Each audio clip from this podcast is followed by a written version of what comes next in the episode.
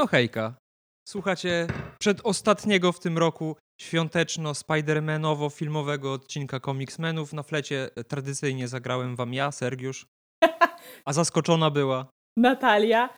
Piękny wstęp, Sergiusz. Piękny, zaskoczyłeś mnie. Prawie tak To samo jak film. easter egg do e, zeszłorocznego odcinka świątecznego, gdzie też grałem na flecie. Aż sobie posłucham. Zapraszam. E, Jesteśmy dzisiaj, w, sumie ten świąteczny odcinek tak naprawdę będzie się ograniczał do tego, że mamy na sobie dziwne nakrycia głowy. Ja czapkę Mikołaja, Natalia rogi renifera, bo chyba w pełni y, skupimy się na filmie Spider-Man No Way Home. Gdzie tam przecież w pewnym momencie był motyw świąteczny. Nawet dwa były momenty. Ja odpowiem na pytanie, czy film jest niesamowity i spektakularny, czy zostaliśmy wplątani w sieć fanserwisu. Widzisz, jaki piękny przygotowałem wstęp? Ja Profesjonalny. Podziwiam, podziwiam, jestem dumna. Ja właśnie e, widziałam Nie w internecie już kilku... Nie, broń Boże, nie zażenowana. Ale widziałam w kilku miejscach właśnie określenie a propos nowego Spidermana e, fanservice the movie. które wykorzystałaś w naszej relacji. Dokładnie i właśnie tak jakby odpowiemy na pytanie, czy faktycznie jest to super, taki naprawdę niesamowity film superbohaterski, czy jednak fanservice the movie. Ale zanim zaczniemy, ja mam jeszcze jedno ważne ogłoszenie. Yy, nasza komiksmenowa rodzina się powiększyła, mamy dwóch członków rezerwowych. Są to pieski, które adoptowaliśmy wczoraj. Groszek i yy, Bierka. Groszek, pokażesz się? Może go widzisz tam. Widzę psinkę! O Jezu, jaki Groszek? cud... Czy to jest, czy to jest całkiem duży piesek? Nie, to jest mały piesek. Bo wygląda Bierka na całkiem zwiększa, ale dużego. Bierka z dużym pokoju i na razie tam sobie siedzi. Więc O Jezu, jakie cudowne, ale to koniecznie trzeba będzie wrzucić foteczki, żeby nasi odbiorcy też zobaczyli, Oczywiście. jakie masz różne pieski. No skoro teraz należą do ekipy Comicsmenów, może mi się uda przekonać moje koty, żeby No. dołączyli. Dziwne, że jeszcze nie dołączyli. Spodziewajcie się fotek na naszych mediach społecznościowych, więc chociażby z tego powodu zapraszamy do obserwowania. Yy, W ogóle są ze schroniska wzięte te zwierzątka piękne. To już w ogóle jeszcze lepiej. I Jesteś yy, cudownym polecam człowiekiem, Sergiusz. schronisko yy, w Milanówku, mniej popularne chyba niż na Paluchu w Warszawie, więc jeśli jesteście z okolic Warszawy albo z Warszawy, to wybierzcie się. No, chodziłam do liceum, do Milanówka. Może adoptujecie jakieś zwierzątko, a jak nie, to jeśli możecie, możecie też wspomóc finansowo, bo zawsze się przyda pieskom, szczególnie w zimie. Kotkom też. Kotki Czy chyba tam, też Czy tam tam są mają. tylko pieski? No Chyba właśnie, kotki kotkom też tam są, no. Nie zapominajmy o kotkach. Kotki Nie też są wspaniałe. o kotkach. To prawda. No dobrze, to może Możemy przejść do rzeczy. dokładnie. Jak tam wrażenia? E, No, nie ukrywam, że ja dzisiaj chyba będę hejterem trochę. Co? Starym dziadem. Znaczy bałam, powiem ci szczerze, bałam się tego i trochę się tego spodziewałam, więc fantastycznie, bo jak omawialiśmy do tej pory jeden film razem, było Eternal, więc w dużej mierze się zgadzaliśmy tak naprawdę. A tutaj wreszcie odmienne Starcie. zdania. Koty kontra Mhm. psy. Zobaczymy. Znaczy, nie chcę też teraz, że zapowiedziałem, że nie no, jak będę hejtował, później się okaże finalnie, że chuj ze mnie nie hejter, ale no. Może być różnie. No dobra, to ty powiedz o swoich pozytywnych. oczywiście. Zacznijmy od pozytywnych rzeczy. No właśnie ja chciałam zaproponować, żeby zacząć od negatywnych, bo ich jest u mnie znacznie, znacznie mniej. No dobra, no to zacznij od minusów. W sumie to jest lepszy pomysł. No bo ja tak jakby nie będę ukrywała, że ja widzę minusy w tym filmie i to niektóre dosyć poważne. Przede wszystkim on jest tak fabularnie bajzlem ten film. E, totalnie. To jest mój E, największy zarzut właśnie.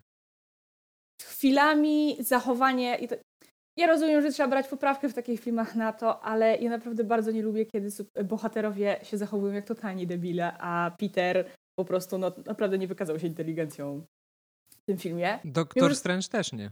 O, do tego zaraz przejdę. Ja przez pół filmu jojczyłam w kinie, jakim idiotą jest Peter i żeby się w końcu ogarnął. Trochę się zrehabilitował tym, że tak. Ja rozumiem, że tu chodziło o to, że on miał po prostu wielkie serducho, a do tego też nawiążę w ogóle przy plusach, bo to jest dla mnie jeden z największych plusów tego filmu.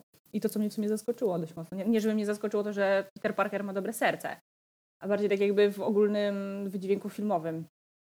Ale no, najbardziej, najbardziej boli mnie Doctor Strange. Ja po zwiastunach, ja byłam pewna, że to okaże się, że to nie jest Doctor Strange. I nawet już jak trwał ten film, byłam właśnie znowu z Kamilem, którego znowu cieplutko pozdrawiamy, ten sam Kamil, z którym byłam na Eternals. Pozdrawiamy. E, I tak my przez właśnie chyba połowę czasu ekranowego, którą miał Doctor Strange, powtarzaliśmy, że to na pewno nie jest Doctor Strange.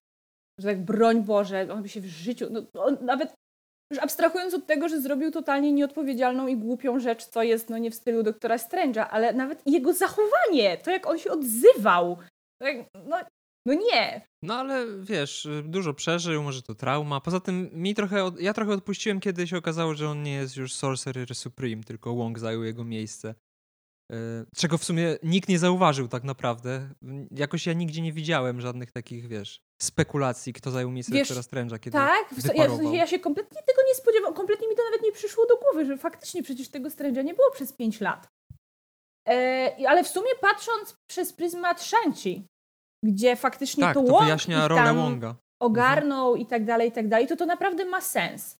Więc to nie jest nagle tak z dupy wrzucone, żeby wytłumaczyć, że teraz Strange może sobie pozwolić na trochę więcej luzu, chociaż nie oszukujmy się, zanim był Sorcerer Supreme, też nie był zbyt luzackim człowiekiem. Ale faktycznie, tak jak powiedziałeś, można to tłumaczyć tym, że swoje przeżył. E, kolejna, kolejny mój zarzut, e, chociaż to no mówię, Doktor Strange jest największym, bo zrobili po prostu z niego idiotę w tym filmie. Ale w sumie Wong jest bardziej nieodpowiedzialny, bo jako Sorcerer Supreme pozwolił na to, umywając ręce. Czy na zasadzie y, ja liczę na to, że oni po prostu nam wytłumaczą w dalszych produkcjach, gdzie on się udał, dlaczego go nie było przez cały film i że faktycznie okaże się, że to była jakaś ważna misja i tak dalej. Ja bardziej na to tak patrzyłam, więc broń Boże nie mam tu pretensji do Wonga, przynajmniej na razie. Aczkolwiek uważam, bardzo, bardzo mnie rozbawił tekst doktora Strange'a, właśnie już jak do, dotarło do nich, jak bardzo naraz robiali i doktor Strange stwierdził, że muszą to naprawić, bo albo cały wszechświat, wieloświat, o Boże, już zaczęłam używać nawet tego słowa, się jebnie po prostu, lub co gorsza, dowie się łąk.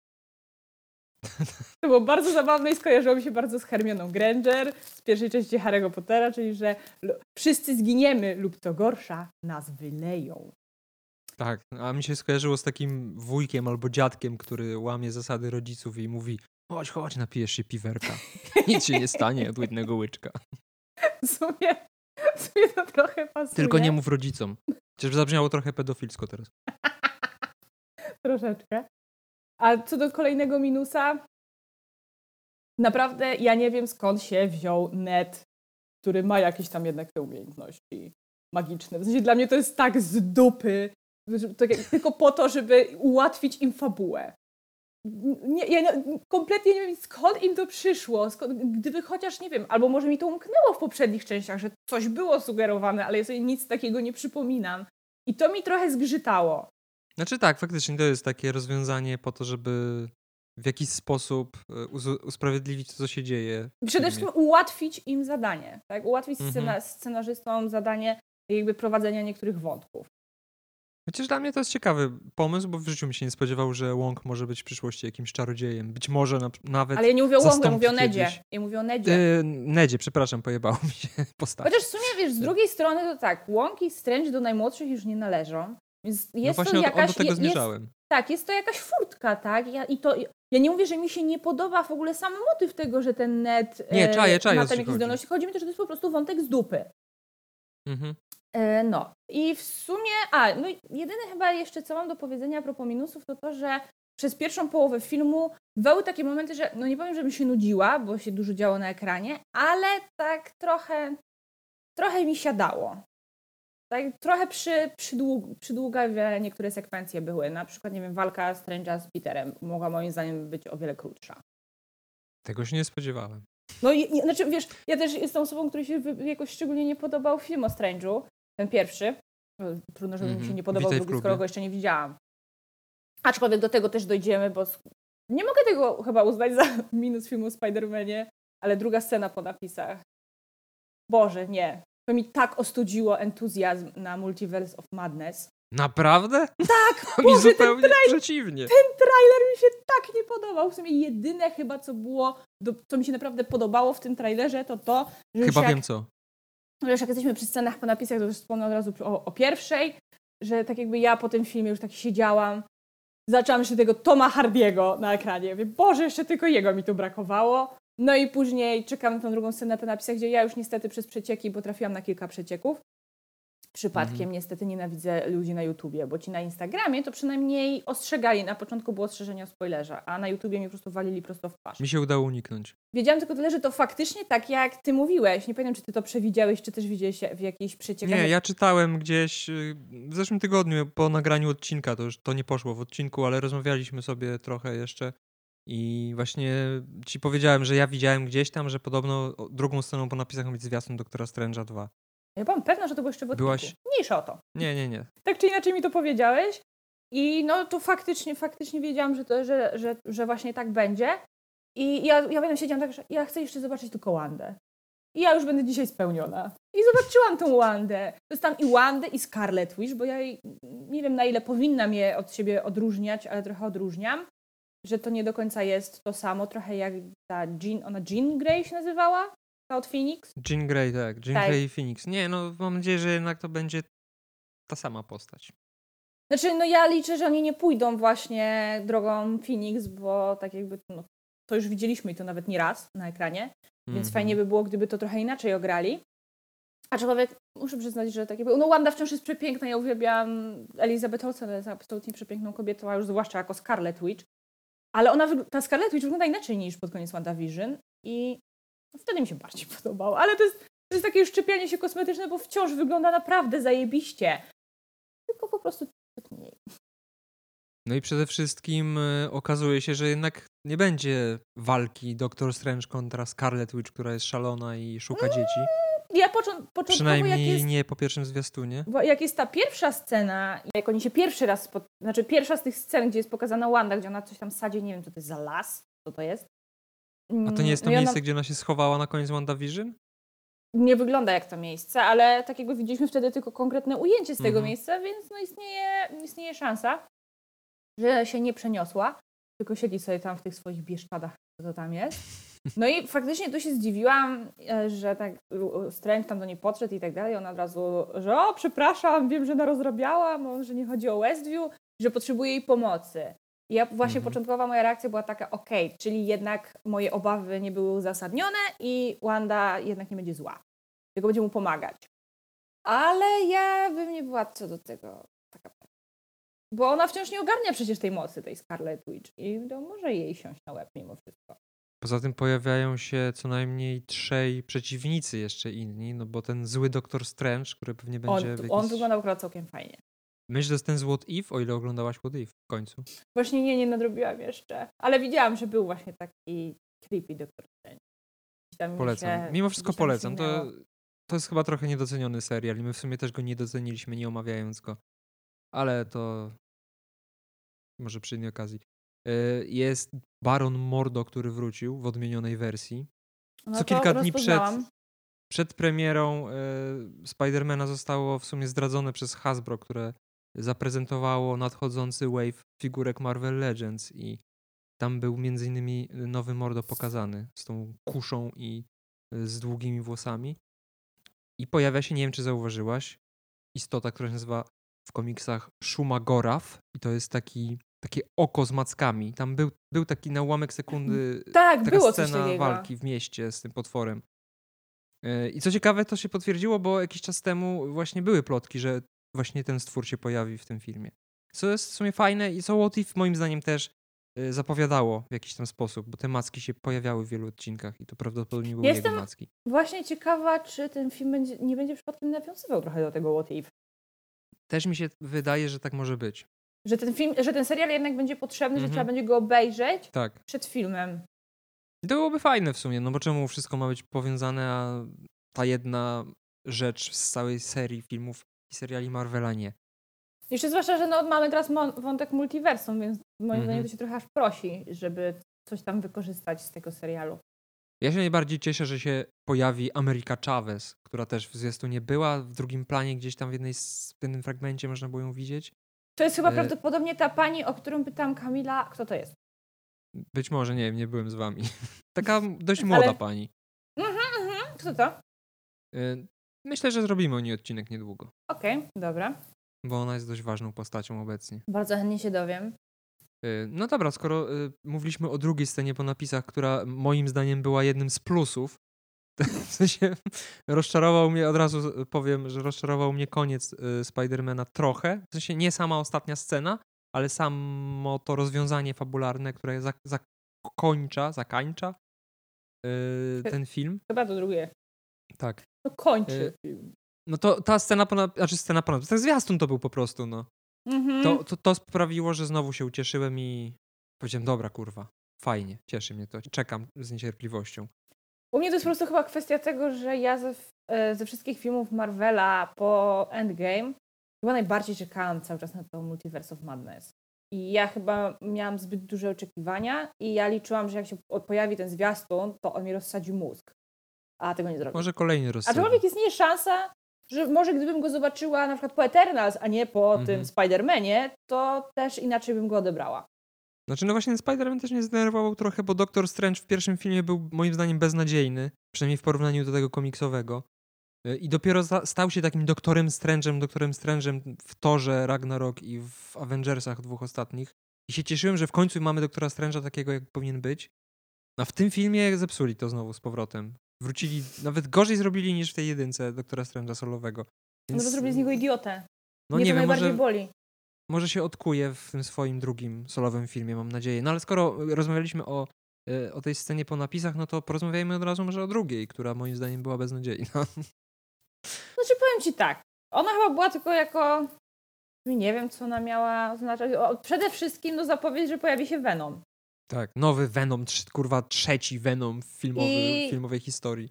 Tak jakby obstawiam, że e, to będzie głównym antagonistą czwartej części Spidermana Albo- z MCU, która została już, tak jakby już pojawiły się Mhm. informacje, że faktycznie Tak. trwają nad nią prace. Więc wydaje mi się, że to, ta scena była no, po pierwsze po to, a po drugie, że skoro już daliśmy tyle gościnnych, fajnych występów, to dajmy im jeszcze tego Hardiego, niech się ucieszą. No ja tam się ucieszyłam, zawsze miło mi popatrzeć na Toma Hardiego. No ja bym wolał, żeby po Zwłaszcza- prostu wkroczył do akcji, nie żeby siedział napierdolony Szczerze- w barze i ci gadał tak, głupoty. Właśnie szczerze powiedziawszy, mnie ta scena na przykład rozbawiła. Tak nawet właśnie powiedziałam Kamilowi, że ja po tym filmie to, to jeszcze czego potrzebowałam, to Tom Har- najebany Tom Hardy, który w zabawny sposób e, podsumowuje niektóre wątki z Infinity Saga. No, na przykład jego wypowiedź o Thanosie mnie rozbawiła. No nie wiem, ja chyba sumie- ma, mam awersję po prostu po Venomie 2 i jak widzę Venoma to filmowego, to mi się chce żygać. No wa- właśnie bardzo możliwe, że to, że to jest kwestia tego. Bo mówię, ja tam, ja tam się ucieszyłam, a poza tym ja już miałam tak chyba dobry humor, że No to teraz ja w takim razie minusiki swoje. Główny to, to, to, co ty mówiłaś, czyli to, że fabuła no jest trochę z dupy, no. Jest nie- właśnie to, czego się najbardziej obawiałem, że fabuła będzie bardzo taka growo-komputerowa w negatywnym tego słowa znaczeniu, czyli jest tylko po to, żeby coś się działo na ekranie, a tak naprawdę nic za sobą nie niesie. Bo cała ta Znaczy, po- historia głupia. To, to Jest- jest nie do końca to, co ja powiedziałam. E, Bo tak jakby ja powiedziałam, że to jest bajzel fabularny, bo się po prostu bardzo dużo No dobra, dzieje, niektóre rzeczy z, in, pewne, z innych rzeczy nie wynikają i tak dalej. A, ale teraz przypomniałeś mój, mój inny zarzut co do tego filmu. Tak jakby ja nie miałam zbyt dużych oczekiwań, ale ja jednak tak jakby zakładałam, że o, skoro no tutaj pojawi się już wątek multiversum, to on faktycznie jakoś tak dużo wniesie do Mhm. tego uniwersum. Multiversum, tak? A bo ty jeszcze nie skończyłaś zasadzie- swoich minusów. Znaczy nie, po prostu skończyłam, ale teraz mi przypomniałeś inny. Okej. Że tak jakby ten film za dużo nie zmienił. Tak, w No właśnie. takim. Dla samego Petera, o, oczywiście jak najbardziej, ale ja mówię już w takim po prostu większym znaczeniu dla całego MCU. Spodziewałam się, że on będzie miał taki trochę większy impact, jak na przykład Loki, bo Loki miał gigantyczny Mhm. impact.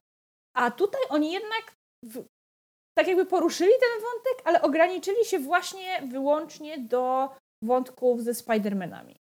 Tak, i y, moim zdaniem tego filmu nie trzeba oglądać, żeby być na bieżąco z y, filmami Marvela. Chyba, że tam jest coś, czego jeszcze nie wiemy, w sensie jest coś, co jest ważne, o czym jeszcze nie wiemy, bo się dopiero wyjaśni to, rozjaśni w przyszłości. Nie wiem. Znaczy Multiverse of Madness moim zdaniem może udowodnić, że No Way Home jednak było faktycznie istotnym filmem. No, póki co, no to nie trzeba tego oglądać, bo tak naprawdę to trochę jest to, z czego ja się śmiałem, że no i niech to się okaże, że to tak naprawdę jest tylko sen. No bo dla niektórych postaci głównych to jest tylko sen po tym finalnym No tak. nakręciu doktora Strange'a i tylko Peter Parker pamięta, co się wydarzyło, bo nawet te, ci bohaterowie z alternatywnych wymiarów wrócili do, do, do domu, więc jakby to się nie wydarzyło. Nie lubię takich fabuł, bo uważam, że to jest zmarnowany potencjał. W sensie Jeżeli to będzie miało jakieś konsekwencje w przyszłości, no to okej, to, to zmienię zdanie, ale w tym momencie mi się to nie podoba właśnie z tego powodu, że w ogóle to nie poszerza uniwersum i jeszcze bardziej mnie wkurwia to, jak potraktowano Eternals i że y, Spider-Man ma od krytyków 100% praktycznie świeżości, a na Rotten Tomatoes, a Eternals są chyba nieświeży, nieświezi? Jak to się mówi? Może nie jestem. Czekaj, aż nawet to sprawdzę, bo u nich to się dość mocno wahało. Bo Eternals faktycznie wprowadzili od chuja nowych rzeczy, a Spider-Man nie wprowadził praktycznie nic. I to mnie denerwowało bardzo, ale przede wszystkim ta fabuła, która moim zdaniem jest idiotyczna. No Są bo, nieświeży.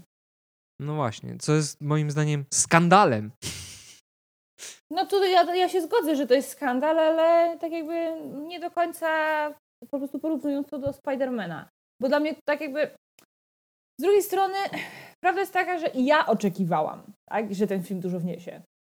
A to były po prostu moje oczekiwania, bo nikt w sumie nic takiego nie powiedział. No tak, ale do tej I- pory wszystkie filmy MCU coś wnosiły, nawet jeżeli to było Tak? A Czarna troszkę. Wdowa poza Czarna Wdowa Nie no. poza Jeleną co nam wniosła? Mimo nam wszystko y, też teraz będę bronił Black Widow, bo uważam, że jest może ten film słaby, w sensie mógł być lepszy i powinien być wcześniej, ale przynajmniej retkonuje faktycznie to, czego brakowało do tej pory. Jakby oficjalnie zostało po- pokazane to, jak wyglądała przeszłość Nataszy, no i nawet jeżeli jest chujowa, to jednak ma swój cel. A ten film poza fanserwisem moim zdaniem nie ma żadnego celu. Chyba, że jest to No cel to- ukryty, o którym właśnie mówiłem, że, że w przyszłości się ujawni dopiero.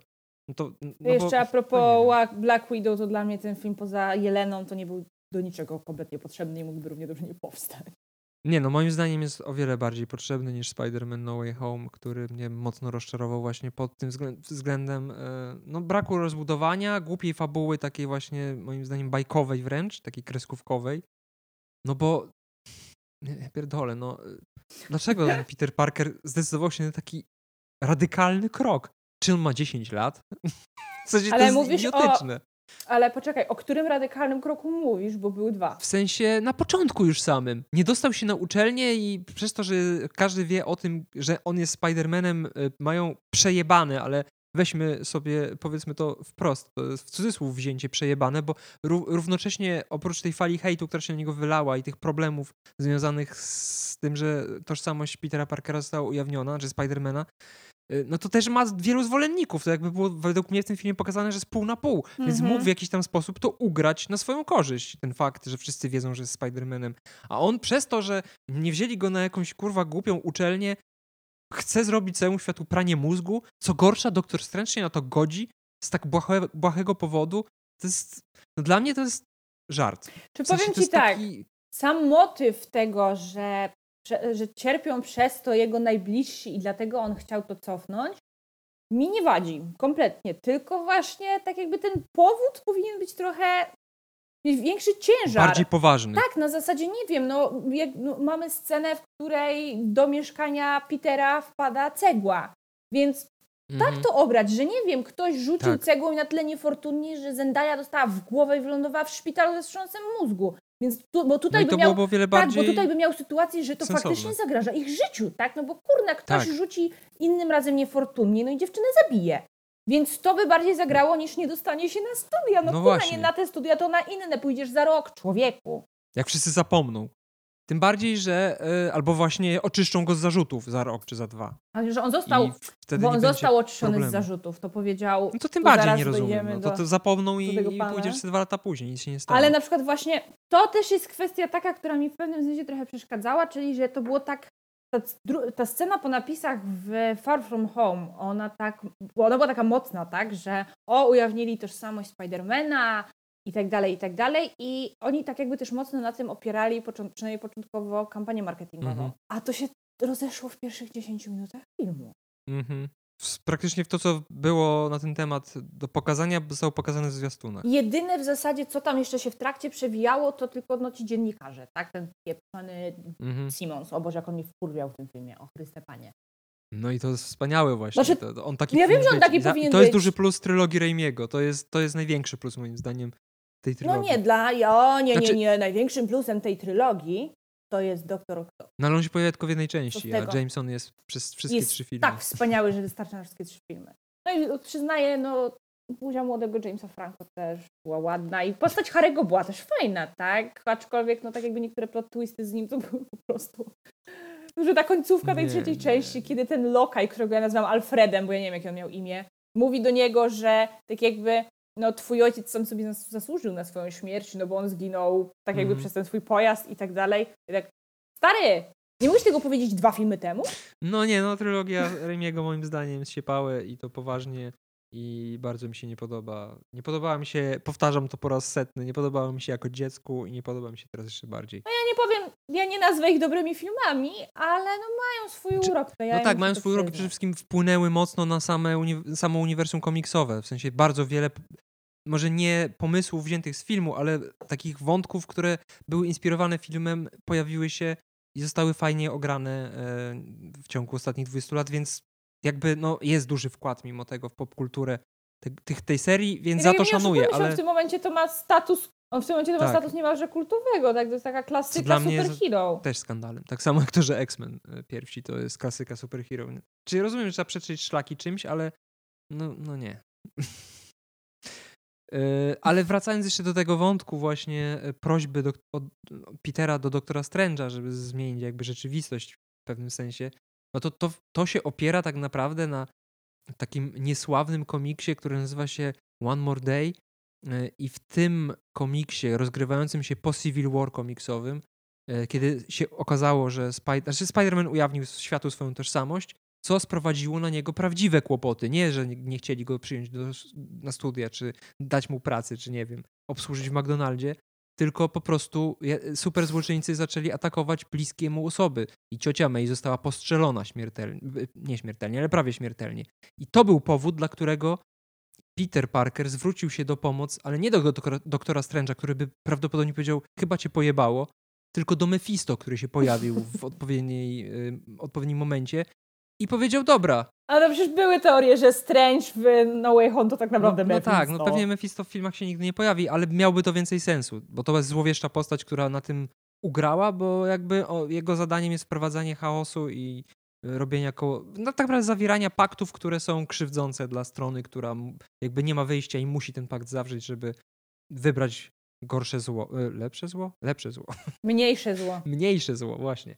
Y, No i on wybrał to mniejsze zło, bo y, haczyk u Mephisto był taki, że dobra, on sprawi, że wszyscy zapomną, kim jest Spider-Man, ale anulujemy w ogóle całą miłość z Mary Jane, ślub nie ma. Ona nie wie, że, jest, że kiedykolwiek byliście parą. No i to też zostało wykorzystane w końcówce tego filmu, jakby, nie? No i to, i to ma dużo sensu. Co prawda później to odwrócono trochę tam innym komiksem, bo, bo ta, ta historia strasznie wkurwiła fanów Spidermana, no bo jakby podważo, podważyła kluczową, y, jedną z kluczowych y, takich elementów Spidermana, czyli miłość do Mary Jane, która trwała chyba najdłużej ze wszystkich dziewczyn Petera Parkera i trwa chyba do tej pory, bo chyba ostatnio do siebie wrócili.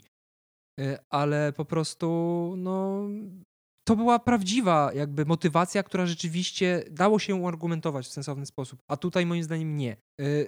Jeszcze chciałem powiedzieć, zapomniałem.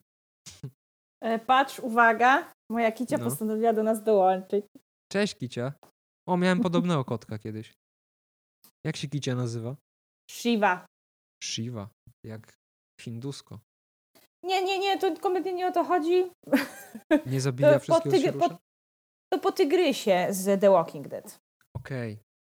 Nie wiem, co chciałem powiedzieć, zapomniałem teraz. Znaczy powiem ci e, jeszcze, już nawet fakt, że tak jakby prawdziwy, znaczy prawdziwy, to był prawdziwy Strange, ale tak jakby Strange, którego znaliśmy przed No Way Home, nie zgodziłby się na rzucenie tego zaklęcia, to już nawet, okej, dajmy na to, że Peter dał mu jakiś poważny powód, to jakby w trakcie, jak on rzucał to zaklęcie i ten Peter mu ciągle przerywał i ciągle, a jeszcze, a jeszcze ten niech pamięta, a jeszcze ten niech pamięta i tak dalej. To właśnie ja powiedziałam wtedy, kurna, prawdziwy Strange by go po prostu nie słuchał w tym momencie. Mhm. Po prostu by rzucił to zaklęcie tak jak trzeba i koniec, bo prawdziwy Strange jest profesjonalistą, a tutaj to fuszera po prostu taka, że normalnie to jak Harry Potter na pierwszym roku w Hogwarcie. Tym bardziej, że powiedział, że to jest takie proste zaklęcie, które często się rzuca, więc nie rozumiem, dlaczego Peter Parker mu je zjebał. A poza tym trzeba było zrobić in, w inny sposób. Wymazać najpierw wszystkim pamięć, a później przywrócić pamięć wybranym trzem osobom i po problemie. Dokładnie. A poza tym tak, ja okej, w miarę rozumiem z tą Mary Jane, bo ich relacja w du- du- dużej mierze się tak naprawdę zaczęła od momentu, kiedy ona rozkminiła, że nie jest Spider-Manem i tak dalej. Ale tak jakby Ned Ciotka No May, właśnie. przecież, kurwa, wystarczy im powiedzieć jeszcze raz. Ned by się ucieszył, bo drugi raz mógłby przeżyć coś, co go bardzo zadowoliło, więc nie rozumiem. Nie, więc takie stary, o no. A ciocia May to bardzo prze- przeszła. No faktycznie argument zajebisty. No nie wiem, no to mi się nie co podoba jest kurwa, no i tyle. I na tym to było tyle z jej przeżywania. Aczkolwiek właśnie jeszcze a propos tego, że cały ten motyw z zarzutami przeciwko nim został dosyć szybko urwany w tym filmie. Jeden z zarzutów, ja tak siedziałam i mówię, kurna, ale ten policjant ma rację, jeżeli chodzi o ciotkę May. Tak jak ona Mhm, to narażała tego dzieciaka na niebezpieczeństwo, nie powinni jej naprawdę odebrać prawa rodzicielskie. Czy tam do opieki, tak? Nie rodzicielskie, tak? Prawa do opieki. No i w sumie trzecim największym minusem dla mnie była e, końcówka, te, e, ta, ta z tym wymazaniem pamięci. Znaczy ja rozumiem, po co to zostało zrobione i w sumie się z tego trochę cieszę, e, ale moim zdaniem jest jakiś taki, taki melodramatyzm wciśnięty na siłę do tego Tak, filmu. bo że powiem ci tak, no, u mnie to nie jest tak, że mi się nie podobała, w sensie nie uznaję jej za minus tego filmu, ale nie uznaję też za plus, ze względu na to, że to mi tak zajeżdża telenową. Znaczy, no ja czaję, no bo w komiksach to jest norma i Peter Parker wielokrotnie musiał podejmować tego typu decyzje i bardzo często przedkładał y, bezpieczeństwo osób sobie bliskich nad swoje, więc mm, jakby rozumiem to, jakby jest to bardzo zgodne z tą postacią, y, więc fajnie i z tego powodu właśnie wiem, dlaczego to zostało zrobione. Poza tym dało mu nowy start do tego, czego chciałem, więc cieszę się z tego filmu. Ostatnia scena bardzo mnie ucieszyła, kiedy on lata po tym mieście, zam- zamieszkuje w tej ruderze i ma na sobie w końcu bardziej klasyczny strój. Bo wiem, że to będzie ten Spider-Man już w przyszłości, którego ja bym chciał w MCU zobaczyć, tak na 100%. Bo lu- bardzo lubię Holanda, ale, ale miałem jednak problem z tym, jak on funkcjonuje. Mam pytanie, ta Rudera, to to jest ich to Mhm. stare mieszkanie? Bo mnie to tak męczyło. Znaczy myślę, że to może być ten sam adres, ale y, w sensie chodzi ci o, y, o mieszkanie Petera Parkera, to, to jego Maguire'a, tak? Nie, to mieszkanie, w którym Tom Holland mieszkał z ciotką, zanim musieli się wyprowadzić do Happy'ego. Nie, ja to zrozumiałem tak, że on, przez to, że nikt nie wie, kim jest Peter Parker, on nie ma praw do tego mieszkania ciotki, więc on musiał sobie znaleźć mieszkanie jakieś, więc sobie wynajął mieszkanie. Okej, dobra. Ma I też. wydaje mi się, że to w jakiś tam sposób odnosi się do tego mieszkania z trylogii Raimiego, że to może być to samo miejsce, tylko że w, MCU wygląda trochę inaczej. No, bo ono było bardzo jak podobne. trochę mniejsza Rudera. No, to, to prawda. To w tej z trylogii Raimiego to ja naprawdę podziwiam, że on był w stanie tam funkcjonować. Tak, to był niezły slums. Yy, No i jeszcze taki minuso plus. Bo teraz już zjebałem ten film, za co miałem zjebać, i teraz przejdziemy do tego, za co mi się podobał, chociaż jeszcze pomiędzy jest to, co mnie trochę mierziło, jednocześnie dając mi dużo szczęścia i radości, czyli ten fanserwis, który kurwa wylewał się strumieniami z ekranu tak bardzo, że w pewnym momencie można było się nawet nim udusić. I właśnie z jednej strony to było zajebiste i za każdym razem, kiedy się pojawiali ci znaczy wiadomo, że jednak mimo wszystko z tej trylogii Raimiego, której nienawidzę, ale jakiś tam sentyment mimo wszystko jest. E, No to y, no, Doktor Octopus, y, Green Goblin albo właśnie Spider-Mani y, poprzedni. No to Raimi się cieszył, no nie, da, nie dało się powstrzymać tego. Jak się Andrew Garfield pojawił, nawet łezki w oczach mi stanęły z radości, bo jednak jego bardziej lubiłem y, jako Spidermana. y, A i- to ja, ja, moje serce należy do Andrew Garfielda. Totalnie, tak jakby z całym moją No to właśnie moim mówię, co ja powiedziałem. Ja zrozumiałam, że do Tobeja. Nie, nie, nie, nie, nie, nie, nie, nie, nie. Andrew Garfield, tak, jak, jak on się pojawił, Ja to wtedy... tak jakby z całym moim uznaniem dla Tak. Toma Hollanda, zwłaszcza, że tak jakby, no wiesz, dla mnie to powinien być mój Spider-Man, bo to był pierwszy Spider-Man ekranowy, którego oglądałam, tak? Ja przecież Mhm. te poprzednie obejrzałam dopiero w zeszłym tygodniu i osobiście uważam, że uratowało mnie to, bo gdybym ja oglądała te filmy, jak one wychodziły, czyli dosłownie bym się wychowała na trylogii Raimiego, to na tym filmie skończyłabym jeszcze gorzej niż na Endgame. Teraz by naprawdę pisali o mnie w gazetach, bo bym nie ja bym tam nie wytrzymała. Ja nawet wiem, na której scenie bym zemdlała. Wiem, która, który byłby to moment. Który? Czy później o tym powiesz?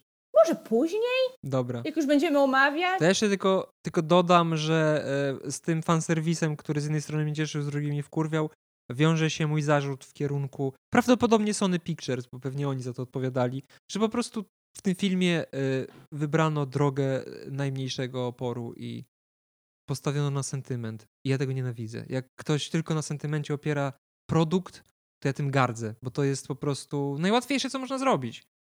Eternals zaryzykowali i dostali w dupę, a Spider-Man pokazał to, co wszyscy chcieli zobaczyć, pokazał jarmarczne sztuczki z Mam Talent i wszyscy się cieszą, biją brawo i, i jest wspaniale. Wkurwia mnie takie coś. To powiem Ci tak, e, że nawet e, rozstrzygając to, czy to jest naprawdę świetny film, czy fanservice The Movie, to dla mnie, jest, ja mam podejście na zasadzie why not both.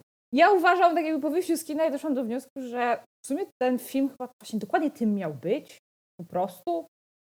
I ja się na nim bawiłam wyśmienicie. Naprawdę, mimo że tak jakby ja obejrzałam dopiero w zeszłym tygodniu stare Spidermany, to ja jestem, ja nawet właśnie samą siebie zaskoczyłam, że mimo że żyję sama ze sobą już prawie 28 lat, to pokłady mojego, mojej nie wiem, sentymentalności, sentymentalizmu, jak to się tam mówi, czy takiej nad, aż wręcz nadwrażliwości, nawet mnie naprawdę zaskoczyły. Bo po prostu, jak się, już abstrahując od doktora Octopusa, który wzbudza od samego początku, jak tylko go zobaczyłam na ekranie w drugiej części trylogii Raimiego, wzbudza we mnie tak ciepłe uczucia, że jest jak taki wujaszek. Ja w ogóle w sobie nawet w tym filmie dla tych wszystkich Peterów pod koniec był jak taki wujaszek. Kocham go całym serduszkiem. I mimo, że tak jakby Spider-Man to, to Beja, to, bo to jest to Beja, nie to Biego. To Beja? Nie to Beja. Wiem, się Mi się wydaje, że to jest to Beja. To Beja powinno się zmieniać, to prawda. Tak, to on nie najmniej przekonywał, chwilami to mnie wręcz wkurwiał, a w tym filmie to po prostu ilekroć on się pojawiał na ekranie, miał ochotę go przytulić. Bo nie wiem, jakimś cudem fakt, że on jest taki już starszy, to jest taki dojrzały Spider-Man, działał bardzo na jego korzyść. I w ogóle mega, ale to mega mi się podoba pokazanie relacji tych trzech Peterów, gdzie Garfield i Tobey są w sumie takimi starszymi braćmi dla mhm. Holanda. Mhm. Zwłaszcza ten Tobey, który ja tylko w ogóle czekam, aż on powie, że ma dzieci i jestem zdziwiona, że tego nie powiedział. Właśnie też się zdziwiłem. I ta scena, jak on z tymi plecami, sobie plecy nastawiają, stare dziady już. Piękne, jest to piękne. I to, że ten Tobi był na, właśnie na zasadzie takiej nie popełniaj moich błędów. No ta mhm. trylogia mm. W dużej mierze się opierała na tym. Tak. Patrz, przez trzy filmy patrzmy jak Peter Parker popełnia błąd za błędem. Bo jest idiotą skończonym. Tak, i, ale widać, że faktycznie nauczył się na tych błędach i nie chciał, żeby ten Holland chodził przez to samo. No i scena, tak jakby, która, to jest fajne, że ta scena nawiązuje do dwóch rzeczy naraz, mhm. czyli jak Tobi ratuje Normana Osborna przed Holandem. Że po pierwsze, tak jakby on zginąłby w ten sam sposób, w który zginął w walce z nim, czyli nadziany na to swoje latające coś. No i to, że właśnie to ten Tobi go powstrzymał tego Holanda. To było piękne, piękne. Płakałam, że prawda jest taka, że ja od pewnego momentu Właśnie to jest zaskakujące, ja się nawet, nawet na ten film pomalowałam, bo miałam pomalowane oczy, bo stwierdziłam, że, że raczej nie będę płakać, ja nie jestem jakąś wielką fanką Spidermana. Po czym ja od pewnego momentu, i to jest jakaś połowa filmu, jak ja już zaczęłam płakać, to już nie przestałam, już płakałam cały czas do końca, nawet szyję miałam całą mokrą. Yes. Ale jestem się dumna, bo makijaż został uratowany. W sensie takie, do, taka, ta, takie dobre kosmetyki, czy y, pomalowałaś się? Starałam się nie zaciskać zbyt mocno oczu, plus cały czas zużyłam całą paczkę chusteczek, cały czas wycierałam chusteczkami. Fakt faktem, później jak wyszłam do, do toalety, to zauważyłam, że miałam kawałek policzka czarny, więc to faktycznie te chusteczki ocaliły, bo wyglądałabym strasznie. Ale naprawdę. Ale nie zemdlałaś? No nie, nie zemdlałam, ale właśnie to uważam, że to jest tylko i wyłącznie kwestia tego, że no, to są filmy, które jednak znałam tydzień, a nie 20 lat swojego mhm. życia. Ale no nie, no nie wiem, no, w, ale tak jakby może iśmy po kolei, bo ja oczywiście już zdradziłam chyba praktycznie zakończenie, tak? Znaczy do, poszliśmy do, przeszliśmy do plusów, rozumiem tak, też, tak? Tak, Też jeszcze jedna rzecz, bo mi się przypomniało. Nie masz wrażenia, że ten film jest trochę nierówny? W sensie mm, nie, nie zgadza się klimatem z dwiema poprzednimi częściami Ale jak najbardziej, on, to jest to tak jakby, to nie wygląda w tym momencie jak trylogia. Czyli te filmy Raimiego, mhm. one tak, one były ładne, to, to jest jeden z plusów tej trylogii, że one były bardzo spójne ze sobą. I tak jakby jeden wynikał bezpośrednio z tak. drugiego. A mhm. tutaj. Może to było prostackie, ale faktycznie miało to sens. A tutaj, tak fakt faktem, te pierwsze dwie części to jakoś tam, mimo że one. Tak jak to jest ta sama problematyka Tora czy trylogii Kappa, nawet Ironmana że nie no tak. obejrzysz tak. ich bezpośrednio jako trylogię, bo, bo między nimi jest coś istotnego. Mhm. Ale tutaj faktycznie no, ten film się bardzo, bardzo mocno różni. Ale nie uważam, ja nie uważam tego jakoś za duży minus. Nie, nawet nie minus, ale takie, taki zgrzycik. Yy, zapomniałem jeszcze jednej rzeczy a propos Sony Pictures. Denerwuje mnie też to, że mamy już Spider-Verse, a oni zrobili to w wersji aktorskiej, bo wiedzieli, moim zdaniem, że Spider-Verse się dobrze sprzedało, więc zróbmy to jeszcze raz, tylko tym razem zagrajmy już kompletnie na sentymencie, bo przecież większość ludzi się zestra. No i tak było, no większość ludzi się zestrała. Ja mimo tego, o czym mówiliśmy w naszym odcinku e, sprzed dwóch tygodni, nie zestrałem się ani razu, chociaż muszę przyznać, że faktycznie przez większość filmu cieszyłem się na głos z tych żarcików, bo one były po prostu śmieszne. No. Naprawdę zabawny I- był ten film. Tak, był bardzo zabawny. I zaskakujący moment y, śmierci cioci May, którego się w ogóle nie spodziewałem. Ja niestety właśnie tym dostałam w twarz na YouTubie. Nie wiedziałam tylko jak ona A. zginie i kto ją zabije, aczkolwiek podejrzewałam, bo ja naprawdę nienawidzę, ale to kurwa nienawidzę Green Goblina. Ale tak jakby tutaj to jest trochę inny rodzaj nienawiści, bo tak jak Kamil aż wręcz nie mógł uwierzyć, jak ja go poinformowałam, że Green Goblin w trylogii Raimiego mnie po prostu wkurwiał. On mi autentycznie po prostu Mhm. kurwa działał na nerwy. A tutaj to było bardziej działanie na nerwy, bo ja wiedziałam, że on. Ja od razu jemu kompletnie nie ufałam. Tak jakby, nie, żebym Mhm. jakoś wybitnie ufała któremuś innemu z tych złoczyńców, aczkolwiek do Sandmana czy do doktora Octopusa miałam jakieś tam. Po pierwsze, miałam cień sympatii ze względu na to, że to byli w sumie jedyni złoczyńcy, którzy się pojednali przecież ze Spider-Manem na koniec. Mhm. Wie, tak jakby tre, też trochę inny charakter niż Green Goblin czy coś ten deseń. Poza tym ja wiedziałam, że on jest po prostu najbardziej niebezpieczny z nich wszystkich, najbardziej nieprzewidywalny i tak dalej. I ja od samego początku przewidywałam, że on coś odpierdoli. I że jeżeli ktoś ma zabić No to ciotkę May, to będzie to on. Ale to jest jeden z największych, ale do największych plusów tego filmu i ten, kto wpadł na pomysł, żeby Willem Dafoe tylko na samym początku miał tą maskę Goblina, a później latał bez Tak. niej, to ten człowiek powinien Tak. dostać jakąś na, nagrodę. Oni powinni mu pomnik postawić, bo o, ten goblin nie był wkurwiający. On był absolutnie przerażał. On mnie Mhm. naprawdę przerażał w tym filmie. Ja się go po prostu kurwa bałam. To jest moim zdaniem najgorsza wada e, pierwszego Spidermana Raimiego, że kurwa mać, no przecież Willem Dafoe ma twarz Green Goblina bez charakteryzacji. Wystarczyłoby go posmarować zieloną farbą i macie gotowego Green Goblina. A oni zasłonili mu gębę jakimś plastikowym gównem, co wygląda jak z Power Rangers z lat 90. Było okropne. I moment, w którym on rozbija tą maskę, jest po prostu moją chyba ulubioną sceną poza tymi fanserwisowymi Ale e, wysrywami, które mnie jednocześnie wkurwiają i e, radują. Bo w końcu stał się Green Goblinem takiego, jak chciałem. To jest idealny aktor do tego, żeby On grać jest- Green, ja- Goblina i w końcu to ja naprawiono. naprawdę żadne słowa nie wyrażą mojego podziwu do jego gry aktorskiej w tym filmie. To jest, ja zawsze wiedziałam, że Willem Dafoe jest genialnym aktorem, ale co on robił z twarzą, zwłaszcza w tej scenie, jak on zabił tą ciotkę May. I w ogóle, o- Jezu, Mhm. kocham też założycie tekstu, który ja bardzo lubię, czyli No good deed goes unpunished. To tak pięknie pasuje. I to, o Jezu, jeszcze on, jak, jak on to powiedział. I w ogóle te jego miny, no coś wspaniałego. Po prostu wielki człowiek, wielki aktor. O, o Jezu. No ale trzeba przyznać, że się zestarzeli wszyscy. Mocno. Mhm. I Nawet Andrew Garfield u Moliny, w Alfreda Moliny widać, że oni mocno odmłodzili. Aczkolwiek Mhm. on i taki no, na, nawet ma inny kolor włosów niż powinien mieć, bo ma czarne tutaj. No i to w ogóle inaczej wygląda. Na szczęście zrezygnowali z tego, z tych cyców na wierzchu. Tak, o Boże, to też było było straszne. strasznie kiepskie w drugiej części Spider-Mana. Ale na przykład bardzo mi się podobało to, jak ograli e, fakt, że Elektro wygląda zupełnie inaczej. Bo oni fakt, tak jakby faktycznie o tym wspominali, tak jakby no wiedzieli, że my to zauważymy, Mhm. więc zostało to wplecione po prostu w fabułę i to mi się podobało. E, Sandman wyglądał Mhm. inaczej, ale to mi jakoś wybitnie też nie przeszkadzało. E, no, Maguire, no Maguire to tak jakby jemu lata służą. No, to prawda. A Andrew Garfield, ja nie wiem, czy oni go odmłodzili, czy co oni zrobią, wygląda dokładnie tak samo.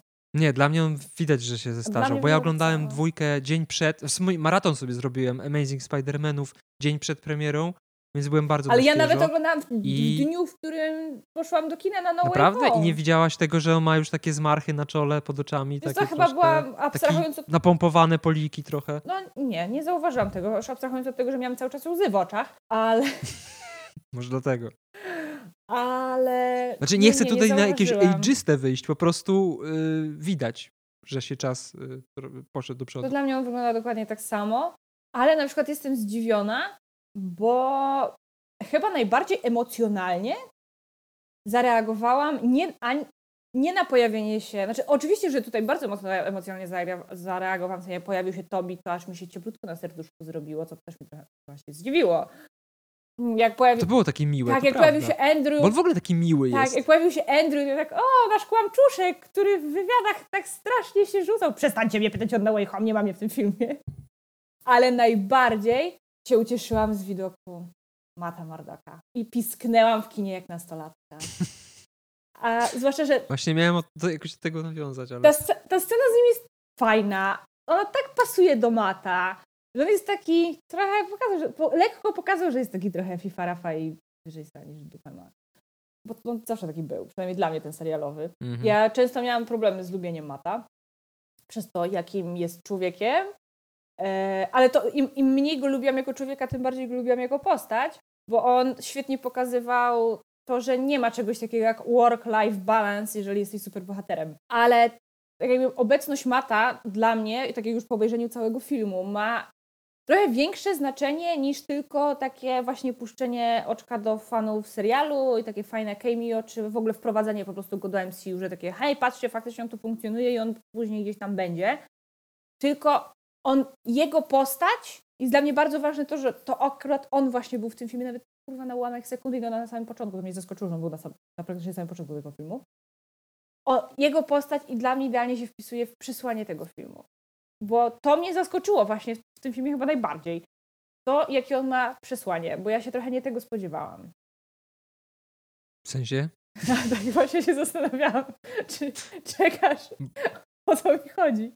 Bo ja się, tak jakby ja zakładałam po zwiastunach i po tych wszystkich przeciekach, że to faktycznie będzie tak, że przez to zaklęcie, czy przez całą multiversum, czy co tam się stanie, że wpadną tutaj do naszego MCU ci złoczyńcy z poprzednich Spider-Manów, no i po to się pojawią tylko ja bardziej się spodziewam, że to nasi ściągną tych Spider-Manów do pomocy, a tu oni się Mhm. sami pojawili takie, o, że czuli, że Peter ich potrzebuje, to było bardzo urocze. W ogóle ten Tobey Maguire to jest jak taki, o Jezu, no wspaniały, no wspaniały jest. No młodego Spidermana Tobiego Maguire'a nienawidzę, ale ten jest Jest, super. cudowny. Chciałbym go przytulić. Ja też i to wiele razy. Eee, no i dobra, no to teraz mogę w sumie nawet powiedzieć, która byłaby sceną, w której bym zemdlała, gdyby, gdyby, e, gdybym oglądała te filmy wcześniej i miała do nich sentyment, taki faktyczny sentyment, no bo trudno mieć sentyment do filmu, który się oglądał tydzień temu. Scena, to jest końcówka praktycznie. Jak oni już tam tłuką na tej bie- w- e, wieży. Statuli wolności. A do tej statuły też, do, kurwa, nawiążę. Scena How are you, dear boy? Czyli spotkanie doktora Octopusa z Peterem Parkerem Tobeya. Och Boże, jak ja zawyłam! Och, Matko Święta! Tak mi się ciepło na serduchu zrobiło. Tak mnie to wzruszyło, bo ja jestem tak wielką fanką ich relacji. Ona została tak świetnie nakreślona w drugiej części tej trylogii Remiego. I tutaj to zostało tak super przedstawione. I jeszcze w ogóle ja kocham, kocham, ktokolwiek wpadł na ten pomysł, żeby ten Otto faktycznie był dobry. Także on e, poszedł na pierwszy ogień do naprawiania i on już sobie, i on już tam pomagał, jak właśnie jak taki wujaszek. O Boże, mam ochotę wycałować tego człowieka, który stwierdził, że tak właśnie powinni zrobić. No a tak jakby kontynuując to, o czym mówiłam wcześniej, a propos przesłania tego filmu, że no ja się spodziewałam, że oni ciągną tych Spider-Manów, no i co, no będziemy się napierdalać z tymi Mhm. złoczyńcami. A tutaj kompletnie nie o to chodziło. I właśnie Tak, i to był moim zdaniem największy plus tego filmu. i właśnie tak jakby, bo już nawet nie chodzi o to, że mnie to zaskoczyło, bo mnie to naprawdę zaskoczyło, ale, bo tutaj też nawiążę do sceny, na której płakałam najbardziej, która po prostu mnie najbardziej jakoś tam poruszyła i tak dalej, i która właśnie tak jakby w sumie no, pięknie obrazuje, jakie jest przesłanie tego filmu, to to, że oni chcieli im pomóc, tak, że Mhm. jak jest ta właśnie scena, jak Peter dzwoni do mediów i przez media próbuje się skontaktować właśnie z tymi złoczyńcami i on właśnie mówi, że ja chciałem wam tylko pomóc. I to mnie tak wzruszyło, ale tak strasznie, bo właśnie do, żaden z tych złoczyńców nie był takim Thanosem czy Malekitem, tak? Że oni nie byli źli do szpiku kości i to nie byli przeciwnicy, których faktycznie trzeba było wyeliminować, tylko to fa- faktycznie Tylko w zasadzie chorzy psychicznie byli. to, były, to była grupa jednostek, tak jakby oni byli dobrymi ludźmi. Tylko w wyniku Mhm. tak jakby niefortunnych splotów okoliczności skończyli jak skończyli, zeszli tam na złą drogę i tak dalej, i tak dalej. I że właśnie oni bardziej niż kary potrzebowali po prostu pomocy.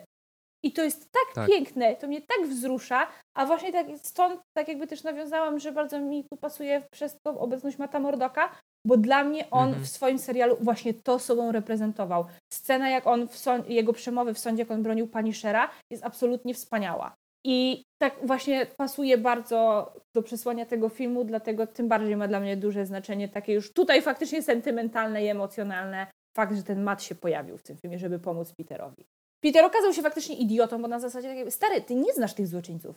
Ty nie wiesz, co oni tak naprawdę zrobili w tym swoim świecie. Ilu ludzi oni zabili. Ty nie wiesz, czy tak jakby to jest faktycznie tylko kwestia Green Goblina. Bo równie dobrze może się okazać, że Norman Osborn, zanim został Green Goblinem, to był seryjnym mordercą. Tak jakby on tego nie wie. My to wiemy, ale on nie. A poza tym, kurna, zamiast Ale ogarnąć... to świadczy o tym, że... No bo on jest takim szczeniaczkiem, Okej, ten że Tom był Holland. ufny.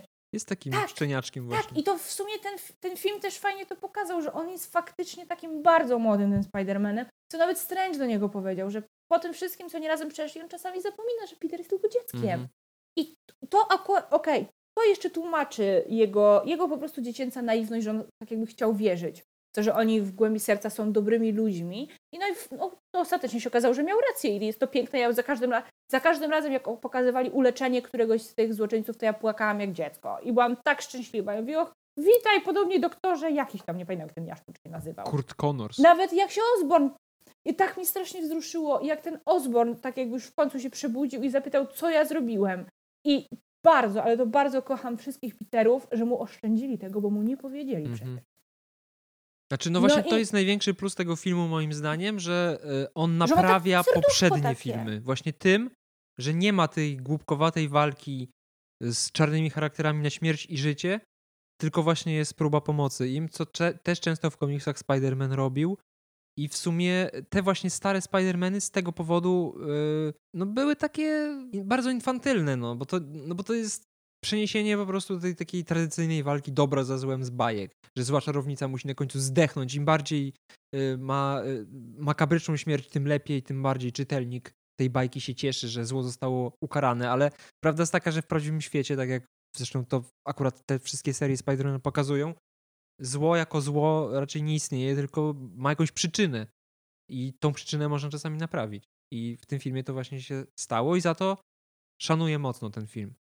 Tym bardziej, że oni w większości przypadków, szczególnie w, No, szczególnie w trylogii Raimiego, to były osoby chore psychicznie, oprócz może Sandmana i... Przecież Venom to jest w jakiś tam sposób osobowość wieloraka, więc ja widziałem w tych, y, w tych zachowaniach tych złoczyńców z trylogii Raimiego takie właśnie zachowania osób, które mają problemy psychiczne i robią zło wbrew sobie, Znaczy ja muszę, tak na dobrą sprawę. W sumie Elektro ja też. muszę przyznać, że mnie trochę ubodło to, że oni faktycznie ginęli w tych Tak, w każdym filmie, Bo wszyscy. to mi trochę nie pasowało Oprócz Tak, Lizarda. i mi to nie pasowało do idei właśnie bycia superbohaterem, tak? No bo tak jakby kurna, sam y, właśnie Daredevil, jak on powtarzał, y, stąd się wziął przecież jego konflikt z Punisherem, że nie nam decydować Mhm. o tym, czy oni mają żyć, czy nie. My mamy ich powstrzymać, my mamy ochronić ludzi przed nimi, a nie ich zabijać. Superbohaterowie nie zabijają ludzi. Znaczy, fakt faktem trzeba przyznać, że Peter to chyba tak własnoręcznie to zabił w zasadzie tylko tego No tak, złodzieja. no bo on jakby On nie nigdy zabił żadnego z tych złoczyńców, tak? intencjonalnie tego nie robił, tylko to był przypadek. No ale skoro jest takim geniuszem naukowym w każdym ze światów, to czemu nie wykorzystał swojej wiedzy po to, żeby zła- złapać ich w pułapkę i im pomóc po prostu? Tak jak często to właśnie, Właśnie, to tak jakby tak z perspektywy No Way Home też mnie zastanawia, dlaczego żaden z Peterów wcześniej nie wpadł na ten właśnie motyw z tym antidotum. I jeszcze właśnie a propos tego, a propos tego, że Peter był debilem w tym filmie.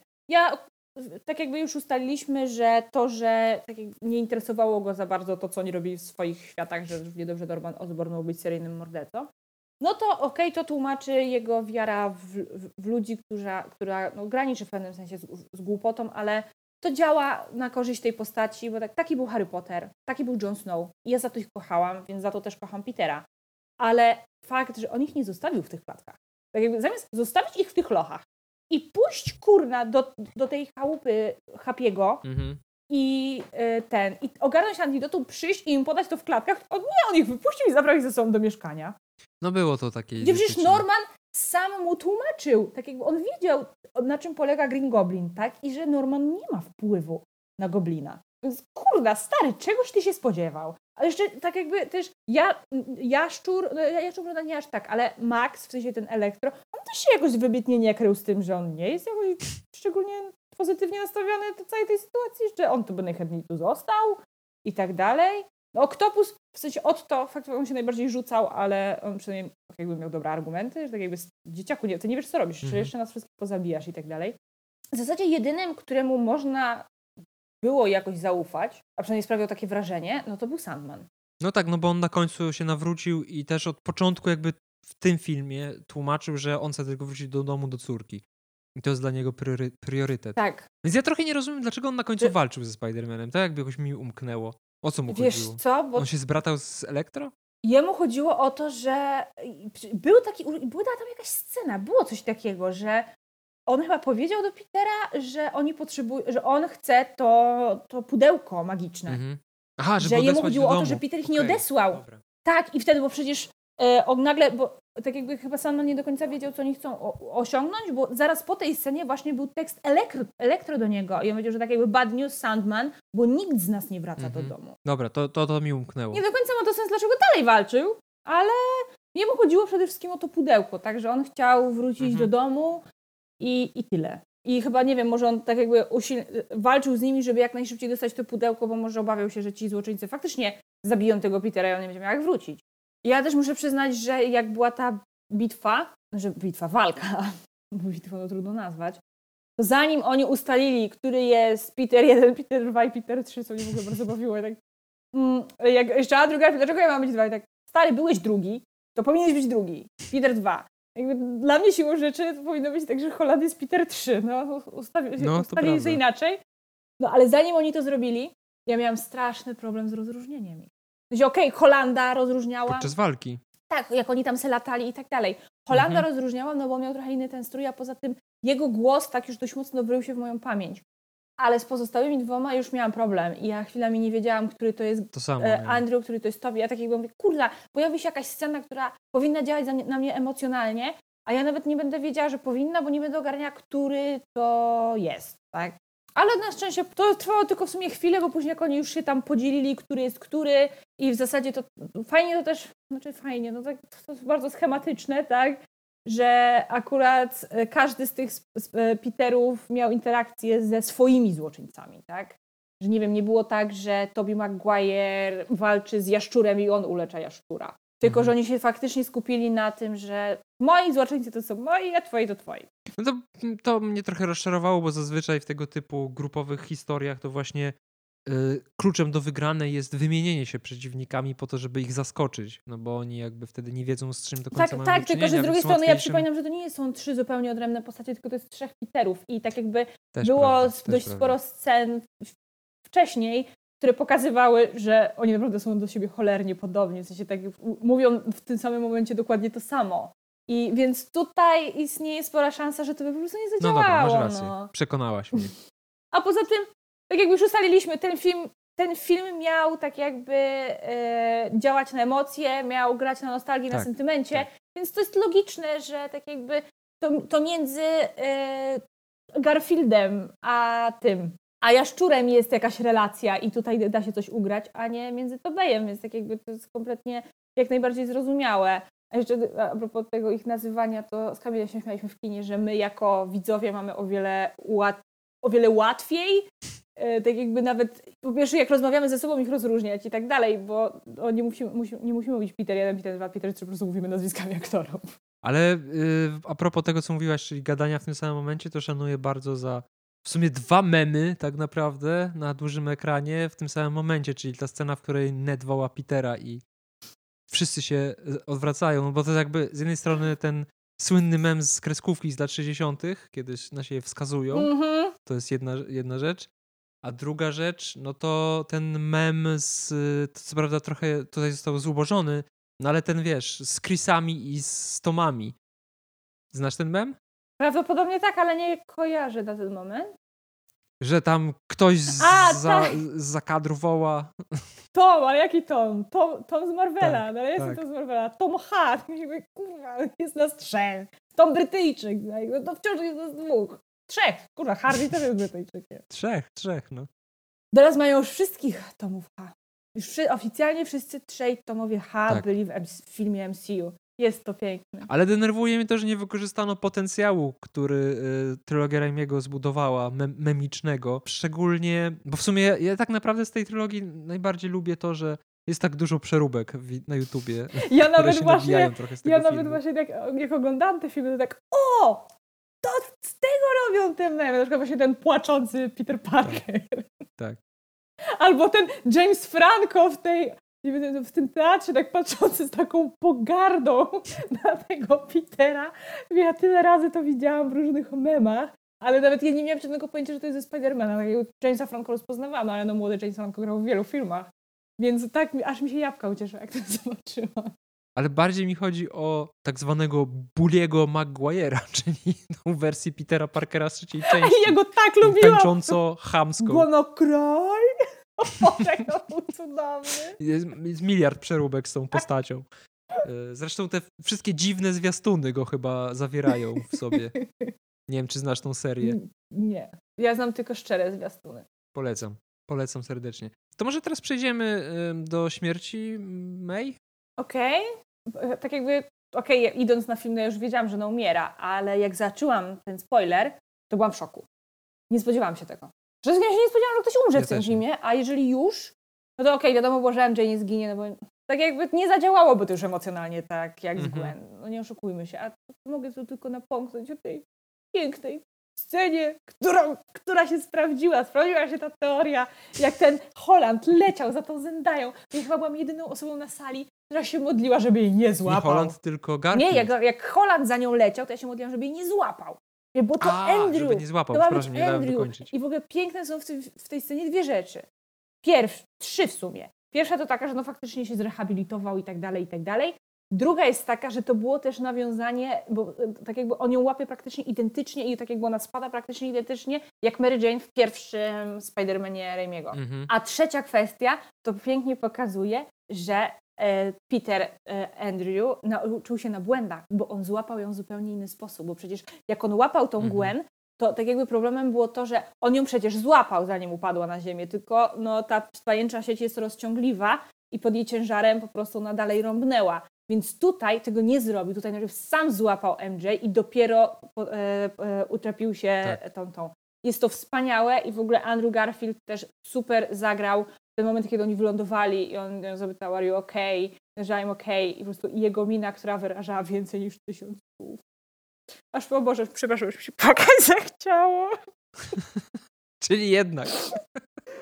Czyli udało się wycisnąć łzy. O Jezu. Podczas a, nagrywania a, odcinka. A naprawdę niewiele ich już mam, bo ja, przyznam się otwarcie, jak wróciłam wczoraj do domu, to usiadłam i zaczęłam płakać i płakałam jeszcze przynajmniej z godzinę. Myślałem, że wypiłaś 5 litrów wody. A to swoją drogą, ja się dzisiaj, zu- uzupełnić ja płyny. się dzisiaj naprawdę czuła, jakbym miała kaca. Że tak jakby po pierwsze oczy miałam napuchnięte, po drugie prostu strasznie chciało mi się pić, ja musiałam się trochę odwodnić. Bo jednak kurna, ja pół filmu przepłakałam, a zaczęłam właśnie chyba jak umarła ciocia May, więc tak jakby na twoje, tak jak sobie życzyłeś, przechodzimy do śmierci cioteczki. Co o niej sądzisz? Ja o niej sądzę, znaczy przede wszystkim powiem tylko tyle, że na mnie w ogóle nie działała, przez to, że jakieś dwa bachory postanowiły gadać w tym momencie i szeleścić jakimiś chipsami, później się uciszać nawzajem i wychodzić z sali. Więc tak mnie rozproszyli, że nie byłem w stanie się skupić na tym, co się dzieje na ekranie. I byłem strasznie wkurwiony na te, na te gnoje, które później kilkukrotnie jeszcze e, robiły to samo. Na szczęście już na mniej emocjonujących i ważnych scenach. Ale po co przychodzisz do kina, żeby gadać, szeleścić i wychodzić? Ja pierdolę, nie rozumiem tego. Więc y, nie zadziałała tak, jak powinna, ale y, tak jak mówiłem, zaskoczyła. A przede wszystkim y, ucieszyła to może złe słowo, ale wy, wywołała satysfakcję, bo ja się nie spodziewałem w ogóle, że będzie, że Tom Holland, Peter Parker z MCU będzie miał w ogóle moment wujka Bena w swojej serii. A tutaj był. A nie- i nie tylko ze śmiercią. Bo jeszcze przypominam, że wreszcie padł słynny, ikoniczny Tak. tekst, który No to było takie już trochę. a, mm, u mnie osobiście na mnie bardziej zadziałało, jak ten tekst padł już jak oni się spotkali wszyscy ci Peterowie i tak jakby, tak jakby Mhm. Holland to zaczął mówić, Tak. a Tobey Maguire dokończył. To było cheesy, niemiłosiernie, ale mnie tak wzruszyło. Oczywiście tutaj znowu płakałam, to trudno powiedzieć, że znowu płakałam, bo tak jak powiedziałam, ja płakałam po prostu już od, od jak zaczęłam, to jakby mi się odkręcił jakiś kurek i nie byłam w stanie go z powrotem zakręcić. Już się po prostu lało, bo były takie momenty, w których płakałam po prostu bardziej.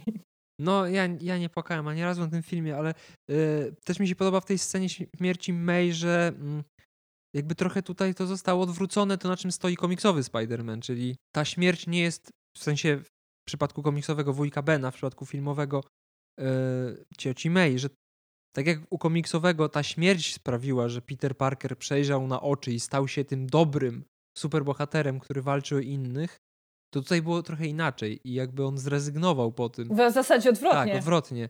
Ale mimo wszystko finalnie no to jednak jakoś zadziałało mm, podobnie, ale na innej zasadzie. I to było wpyte, że po raz kolejny w MCU wzięli stary i wyświechtany wątek i go tak przerobili, że wyszło coś nowego zupełnie. Dzięki czemu ten Peter Parker z MCU jest zupełnie inną postacią niż dwaj poprzedni Spider-Manowie i ten klasyczny, że tak powiem, komiksowy Spider-Man. To też za, zawdzięczamy w pewnym sensie dwóm poprzednim Spider-Manom, którzy jak się pojawili, to popra- no tak, no. poprowadzili tego Petera, tak jakby stare, my już swoje napsuliśmy, ty nie rób tego samego. No, bardzo mi się to podoba w tym filmie. Tak samo, oczywiście, że wzruszyła mnie cioteczka May, która mimo, że zabił ją Zielony Goblin i tak umierając powiedziała, że postąpili właściwie. No i fajna była też ta śmierć, że ona taka była nieoczywista, że na początku się wydawało, że jednak wszystko, mm -hmm. wszystko jest ok, a później jednak nie było ok. I to też było zajebiste, że to nie było, to nie była taka, taka wiesz, śmierć wujka Bena, że o, został strzelony, widać, że, że i tak umrze. Yy, I nie była też wiesz, jakaś, Bóg wie, właśnie taka nie, spektakularna. Typu, nie wiem, jak śmierć Starka, czy Nataszy, czy nawet Visiona. Mm -hmm. Tylko była taka Zwyczajna. zwykła. Tak, i no. jeszcze ten biedny Happy ja tam podjechał, już go aresztowali i strasznie mnie właśnie wzruszyło też jak on krzyczał tylko Peter uciekaj, Boże. A jeszcze jak oni rozpierdzielali ten budynek, to mieszkanie, to ja siedziałam w tym i mówię, Boże, ale się happy kurwi. Chyba najmniejszy jego problem w tym momencie. No, w tym momencie e... już tak. Czy jeszcze jakaś scena zasłu zasługuje na szczególne omówienie? Mnie też bardzo wzruszyła scena, sam, sam koniec, jak właśnie Happy i Peter się spotykają przy grobie May i mhm. właśnie ta gadka Happy'ego, jak on wspomina Starka i że w sumie bardziej od tego, niż że ich już nie ma, boli go to, że tak jakby dawali temu światu tyle dobroci, o Boże, znowu, znowu zaczynam płakać, że dawali temu Znowu, po raz drugi. Że dawali temu światu tyle dobroci, że teraz to nas zniknie razem z nimi. Bardzo to było ładne. Bardzo ładne. Masz chusteczki? Mam, przygotowałam sobie specjalnie. No i kurna, no doprowadzili do tego, że tak jak mówię, ja nie znosiłam Normana Osborna i Green Goblina, a tutaj, Jezu, i na samym początku, jak on był jeszcze Normanem i jak on później był tym Normanem, Boże, jak mi go było szkoda, no ten Defoe, on po prostu, to była tak. zmiana o 180 stopni. To tak jakby, to on, on się tu skojarzył tak jakby z moimi emocjami, jak aktor po prostu potrafi w dwóch różnych scenach zupełnie inaczej przedstawić daną postać. Strasznie mi się skojarzył z Garym Oldmanem jako Syriuszem Blackiem który w jednej scenie mnie po prostu absolutnie przerażał, a nagle następna scena jest pstryk i jest najcieplejszym człowiekiem świata.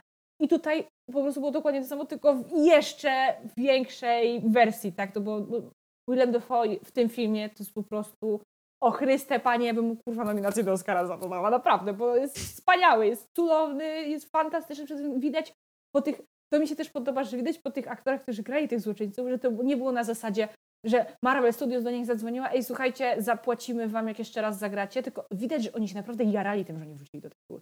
Że im to mhm. naprawdę sprawiało radochę. W przeciwieństwie tych oryginalnych filmów. Tak, po prostu on, no cudo, cudo. Wracając do Green Goblina, to zapomniałem wspomnieć o tym, jak bardzo szanuję za to, że w końcu miał bardziej klasyczne wdzianko, bo jakby te, nie, że te kolory zielono-fioletowe, to jeszcze ta kapoca. E, znaczy, no może kapoca to nie do końca Green Goblin, ale no on miał taką czapeczkę. Nie wiem, czy zdajesz sobie sprawę, jak wyglądał komiksowy nie, Green nie, Goblin. Nie, mam żadnego pojęcia. Polecam sprawdzić. E, ale teraz sobie przypomniałem o jednej rzeczy, o którą mnie poprosiłaś, zanim zaczęliśmy nagrywać kilka dni w sumie po, po tym, jak obejrzałem ten film. Bo w ogóle tak się umówiliśmy, że nie będziemy rozmawiać przed nagrywaniem odcinka na temat swoich przemyśleń, więc jesteśmy oboje na świeżo, żebyśmy byli równie zaskoczeni tym, co mówimy, jak wy. E, I wy, wydaliłem z siebie tylko jedną rzecz. Taką w sumie e, nie dotyczącą samej fabuły filmu, tylko raczej marketingu tego filmu że po wyjściu z kina zdałem sobie sprawę, jak bardzo mi ciążył ten film. Tak. I teraz na specjalne życzenie Natalii użyję tej fekalnej metafory, którą wtedy zastosowałem.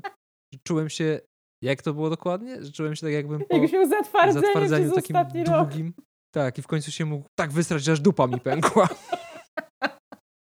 Bo mimo wszystko jakoś ta niepewność związana z tym, co się w tym filmie wydarzy, kto się pojawi, jak kto się nie pojawi, bardzo mnie męczyła. Bardziej mnie męczyła niż dotychczasowe filmy Marvela, na które czekałem. No nie, mnie Endgame. O Jezu, Endgame mnie tak wymęczyło psychicznie przez rok.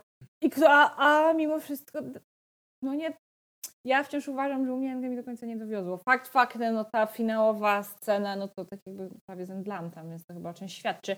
Ale film jako całość, No Way Home mi się bardziej podobało. O wiele. To dla mnie te filmy są na podobnym poziomie, ale Endgame mi się bardziej podobało mimo wszystko. Ja jestem naprawdę w ciężkim szoku, jeżeli chodzi o mnie. Didn't see that coming. To chyba, tak jak powiedziałam, że mnie bardzo, najbardziej chyba zaskoczyło w tym filmie to przesłanie tego filmu, ale jeszcze bardziej chyba jednak zaskoczyła mnie moja reakcja. Ja się nie spodziewam, że ja aż tak emocjonalnie na to zareaguję. A tu proszę, no jest. Naprawdę? Nie spodziewałaś nie. się? Ja wiem, już wcześniej powiedziałam, że ja jednak po samą siebie potrafię zaskoczyć, bo ja wiedziałam, że jakieś tam emocje będą, ale kurna, no ja nie jestem jakąś wielką fanką Spidermana. Te poprzednie to widziałam w zeszłym tygodniu, więc taka nostalgia też raczej nie będzie jakaś Bóg wie jak wielka, sentyment też nie. A tu ja się zachowywałam, jakbym się wychowywała na tych filmach. A przynajmniej tak się czułam. No how are you, dear boy? To będzie mi się śniło po nocach. Pod tym względem faktycznie im się udało e, zrobić to, co mieli w zamierzeniu, no bo takie było zamierzenie, podejrzewam. Raczej przypadek to nie jest.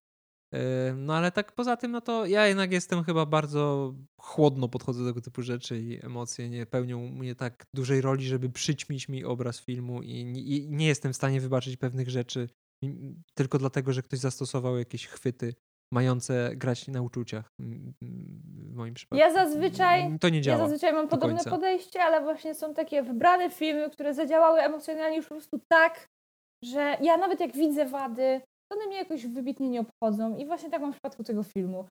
Nie widziałam wady, trochę mnie, no, coś tam mnie tam uwiera, szczególnie ten Strange. Uwiera mnie trochę ten net, wątek z dupy. Uwiera mnie trochę to, że ten film faktycznie w sumie powstał tylko po to, żeby był fajny. Że to na zasadzie nie, nie do końca jest film, co wydarzenie popkulturowe, ale on mi dał tyle radochy. Ja mam przez niego tak dobry humor, i tyle się napłakałam. Ja bardzo lubię płakać, a zwłaszcza kiedy to jest płacz właśnie z takiego po prostu wzruszenia, że jest mi, że po prostu uśmiecham się i łzy mi lecą, że jest mi tak ciepło na serduszku. I on mi dał tego w, po prostu w takich ilościach, że mam w tego Strange'a. Naprawdę, ja się cieszę, jest mi miło, ja będę do tego filmu wracać 50 tysięcy razy. To będzie jeden z tych takich moich feel good movie. Że jak będę miała zły humor, będę potrzebowała pocieszenia, będę odpalać to, będę patrzeć na sta... No, dobra, nie starą, ale podstarzałą buzię, to moja Maguire'a. Będę słuchać How are you, dear boy? Będę patrzeć na mojego kochanego pana Otto. I będzie mi tak dobrze. I będę patrzyła, jak Andrew Garfield ratuje MJ. I od razu będzie mi lepiej na serduszku i będę sobie przypominała, jak dobrym człowiekiem był Peter Parker i że ja też mogę być dobrym człowiekiem. A, i właśnie, to, co mi się podoba też e, tutaj z tym przesłaniem, tak jakby z tym ratowaniem tych złoczyńców zamiast eliminacją, to ten film trochę jest tak jakby przedłużeniem ostatniej, ostatniej sceny z trylogii Raimiego, gdzie, bo tam mi się bardzo podobał monolog właśnie Petera Parkera. Tak jakby, tak jakby oglądając to miałam w głowie, że nie oszukujmy się, ja wiem, że dla wielu osób te filmy, ta trylogia jest tym, czym dla mnie był Harry Potter. Że wiele osób po prostu się na nim wychowało i przesłanie, jakie daje ta trylogia właśnie w tej ostatniej, ostatniej scenie jest bardzo ładna, jest bardzo potrzebna, bo to jest właśnie pogrzeb Harry'ego Osborna, jak tam właśnie Peter mówi, że nieważne co by się działo, jakiej wewnętrznej walki byśmy nie toczyli, zawsze mamy wybór i zawsze możemy wybrać dobrze. I tutaj po prostu ten, ten cały film jest taką kontynuacją tego i znowu zaczyna się płakać. Spokojnie. Znaczy tam bardzo dużo cytatów się pojawia z obu filmów. No, I'm kind jest... of a scientist myself. Tak. Dla fanatyków poprzednich serii jest pewnie super zajebiste. Teraz tak sobie pomyślałem, że chyba jest jeden tylko na świecie film, który by sprawił, że jakby powstała kolejna część i byłaby takim fanserwisem, to ja bym się czuł tak dobrze, jak się czuje większość tego, co widziałem w internecie ludzi oglądających No Way Home. I to byłby powrót do przyszłości. Chociaż nie chcę, żeby powstała czwarta część. Jak kiedyś powstanie ta czwarta część, to się bardzo wkurwie. Ale jeśli będzie dobrze zrobiona i ją zobaczę i będą odpowiednio wykorzystane elementy z oryginalnej trylogii, to poczuję pewnie to, co e, wiele osób na No Way Home, bo dla mnie ten film teraz zniszczy trochę twoją uroczą, e, twój uroczy monolog sprzed kilku minut. Ja nie wiem, czy drugi raz ten film będzie mi się chciało oglądać, bo po prostu nie widzę sensu za bardzo. No to tu się bardzo, no. bardzo. Ja, ja będę oglądać, ja będę oglądać za nas dwoje. Dobrze, tak się możemy umówić. E, ale nic nie powiedzieliśmy o MJ, która pełniła w sumie dużą e, rolę w A ja dość tak jakby jak z A Kamilem, była jak z. Kamilem po seansie rozmawialiśmy, to już w ogóle abstrahując od tego, że Zendaya ją fantastycznie gra, to, że tak mi się podoba, że ona naprawdę jest małolatą. Że to jest po prostu po niej i widać po jej zachowaniu i po jej wyglądzie. Zendaya po prostu to jest, fan, to jest fascynujące, że Zendaya w jednym filmie potrafi być kurna seks bombą. Naprawdę taką seksowną, doj- dojrzałą kobietą, a tutaj ona nawet się rusza jak nastolatka. Jest taka nieporadna. To jest to, co ja powiedziałem, No. to, co ja powiedziałem o, ty, o tym, jak ona wygląda, że na czerwonych dywanach wygląda jak w ogóle jakaś zajebista laska, nie wiadomo jaka, a w tym filmie jest taka niedomyta. taka niedomyta chodzi o tą, o tą niedbałą fryzurę i to rozjebane ubranie takie, jak wyciągnięte z kontenera PCK. Tak, trochę. i oczywiście trampki, to koniecznie musiały być trampki, ale tak, tak. właśnie ona jest fajną postacią. Jest. Y, tak jakby, no nie mogę się powstrzymać, muszę ją porównywać do MJ z trylogii Raimiego, która. Ach, Tak, po pierwsze, ja to pisałam już Sergiuszowi, ale chcę to powiedzieć tutaj na antenie. Kristen Dunst powinna dostać trzy złote maliny i bala na granie w filmach superhero. Ona jest. Ona powinna po prostu być jako wzór, jak nie grać. Ona jest straszna. Ja w ogóle przez Tak. większość tych filmów miałam wrażenie, że jej się ciągle spać chciało, bo ona miała oczy takie przymknięte, taki, taki przymuł. I że ta seksualizacja w ogóle tej postaci była tak okropna w tych filmach. Ona była straszna. To, że jej rola ogranicza się do tego, żeby wkurwiać i spadać, albo być porywaną przez złoczyńców. Tak. I ona nie robiła tam nic poza tym. Dobra, fakt faktem było kilka momentów, kiedy trochę tam zaplusowała, że nie była typową damą w upałach, tylko coś tam faktycznie próbowała zrobić. Na zasadzie rzuciła na przykład cegłą w Venoma. No tak, albo jebnęła doktora Octopusa jakąś ru- rurką czy Tak, deską. że no coś tam jednak powiedzmy próbowała robić, ale to broń Boże nie, nie pomagało, tak jakby nie ratowało kompletnie jej postaci. A tutaj ta Zendaya jednak faktycznie, co, na ile może to robi, plus Boże, jak ona jest fantastyczną dziewczyną do tego Petera. Ja- Jako, jak ona Tak. go wspierała, jak ona za każdym razem mówiła dokładnie to, co ona powinna była powiedzieć. To jak ona jest, tak jakby, ona jest tam właśnie taką gówniarą w tych filmach, ale jest też tak dojrzała emocjonalnie. Mimo swojego negatywnego trochę nastawienia. I być może z tego powodu jest to moja ulu- ulubiona chyba postać w tym filmie. I ona też przecież przechodzi przemianę w tym filmie, tak? To jest sam, ten sam początek, że No tak, e, spodziewa się rozczarowania, to nigdy się nie rozczarujesz, a pod to koniec moje jednak, motto. a później pod koniec jednak nie, skopiemy im tyłki. To jest naprawdę super, sup, jest super napisana ta postać, jest super zagrana, więc jak najbardziej na plus. Więcej takich dziewczyn superbohaterów. Tak. Bo dotąd chyba to z dziewczyn z takich bo, bohaterek, No, Peggy które Carter są trochę. typowo, tak, które są typowo po prostu dziewczyną superbohatera, no to faktycznie mnie przekonywała Peggy Carter, aczkolwiek Peggy ma u mnie bardzo duży minus, tak jakby nie z własnej winy, ona tu nic nie zawiniła, to nie była jej decyzja, nic, broń Boże, w tym stylu, ale ma u mnie ten minus za Endgame, tak, za to, co zrobił Cap. I właśnie, to jest rzecz, o której chciałam jeszcze pojojczyć, to już, broń Boże, to tak jakby to nie jest tak, że to jest zarzut wobec filmu, Mhm. ta pieprzona statua wolności i jej renowacji. Komu to przyszło do głowy? Ja nie mówię tu o twórcach, tak jak mówię tu o tak jakby ludziach w tym uniwersum. To jest profanacja. I prze, ale przede wszystkim to, co mnie wkurwia najbardziej, to to, że e, tu działa dokładnie ta e, zasada, że jak ktoś umiera, to wszyscy zapominają, jaką, jakim chujem potrafił być. Bo nagle wszyscy, bo to, to już się też przewijało w Falconie i Zimowym Żołnierzu. Nagle wszyscy zapomnieli, tak jak, albo inaczej, ludzie się zachowują, jakby Civil War nigdy nie miało miejsca. A ono miało miejsce. A, dobrze o tym Ono miało przypominasz. miejsce. Team, Zaraz team. Iron Man, my pamiętamy. Dlaczego oni znowu robią z Kapitana Ameryki symbol Ameryki i w ogóle wielkiego superbohatera? Tak jakby to kurwy nędzy. A skąd wiesz, może to jest na cześć sama, sama Wilsona, a nie na cześć Ja- Steve'a Rogersa? To nie zostało Myślałam o tym, myślałam o tym i to by mnie trochę udobruchało, ale z drugiej strony ja to jednak bardziej rozumiem, że to nie chodzi stricte o Steve'a Rogersa, tylko o Kapitana Ameryka jako ikonę, jako symbol. To też nie pomaga, bo ja tutaj bardzo mocno się zgadzam trochę z Zimo, że, który Mhm. właśnie w Falconie Zimowym Żołnierzu mówił, że tak jakby on nie ma personalnie nic do Steve'a Rogersa. On wierzy w to, że on mógł być naprawdę sympatycznym kolesiem, ale problem z ludźmi takimi jak on jest właśnie taki, że stawia się ich na piedestale, robi się z nich ikony i symbole, zapominając przy tym, że to wciąż są ludzie. A Steve Rogers doskonale to pokazał w Civil War, kiedy tak jakby udowodnił, to jest jedna z moich absolutnie najulubieńszych scen w Marvelu, jak Stark krzyczy do Kapa, odłóż tą tarczę, nie zasługujesz na nią. Bo on faktycznie na nią kurwa nie zasługiwał. Nie po tym, co zrobił w Civil War. Ja kocham Kapitana Amerykę. Ja naprawdę bardzo lubię Steve'a Rogersa. Ja byłam wielką fanką tej postaci, w sensie do tej pory jestem, ale był u mnie numer jeden do czasu Civil War. Ja uważam, że ten film pomógł jego postaci na zasadzie takiej, że ona stała się ciekawsza. Bo przestał być aż tak Mhm. jednowymiarowy, ale stracił po prostu w moich oczach jako jakiś tam, nie wiem, autorytet czy superbohater. I na dokładkę też mnie wkurwia, i to już też mnie wkurzyło w Far From Home, jak jest ten sam początek z piosenką And I Will Always Love You. No nawet wam trochę zaśpiewałam dzisiaj. E, Ja grałem, jak, jest ta prezent, jak jest ta prezentacja właśnie, no tak, ty będziesz grać na flecie i będę śpiewać. Tylko ty grasz na flecie znacznie ładniej niż ja śpiewam niestety. Dziękuję. No, kontynuując, jak jest ta prezentacja tam znajomych Petera, yy, która upamiętnia bohaterów, dzięki którym tak jakby wróci, wszyscy wrócili, którzy oddali swoje życie. I tam mamy Starka, Nataszę, Visiona i Steve Rogersa. Tak, po pierwsze, to Steve Rogers wcale nie umarł. Po drugie, i tak jakby cały świat, nie, tak jakby oni, nie, to też no nie zostało sprostowane, co się z nim stało, to był przecież cały ten wątek w No tak. Falconie Zimowym Żołnierzu.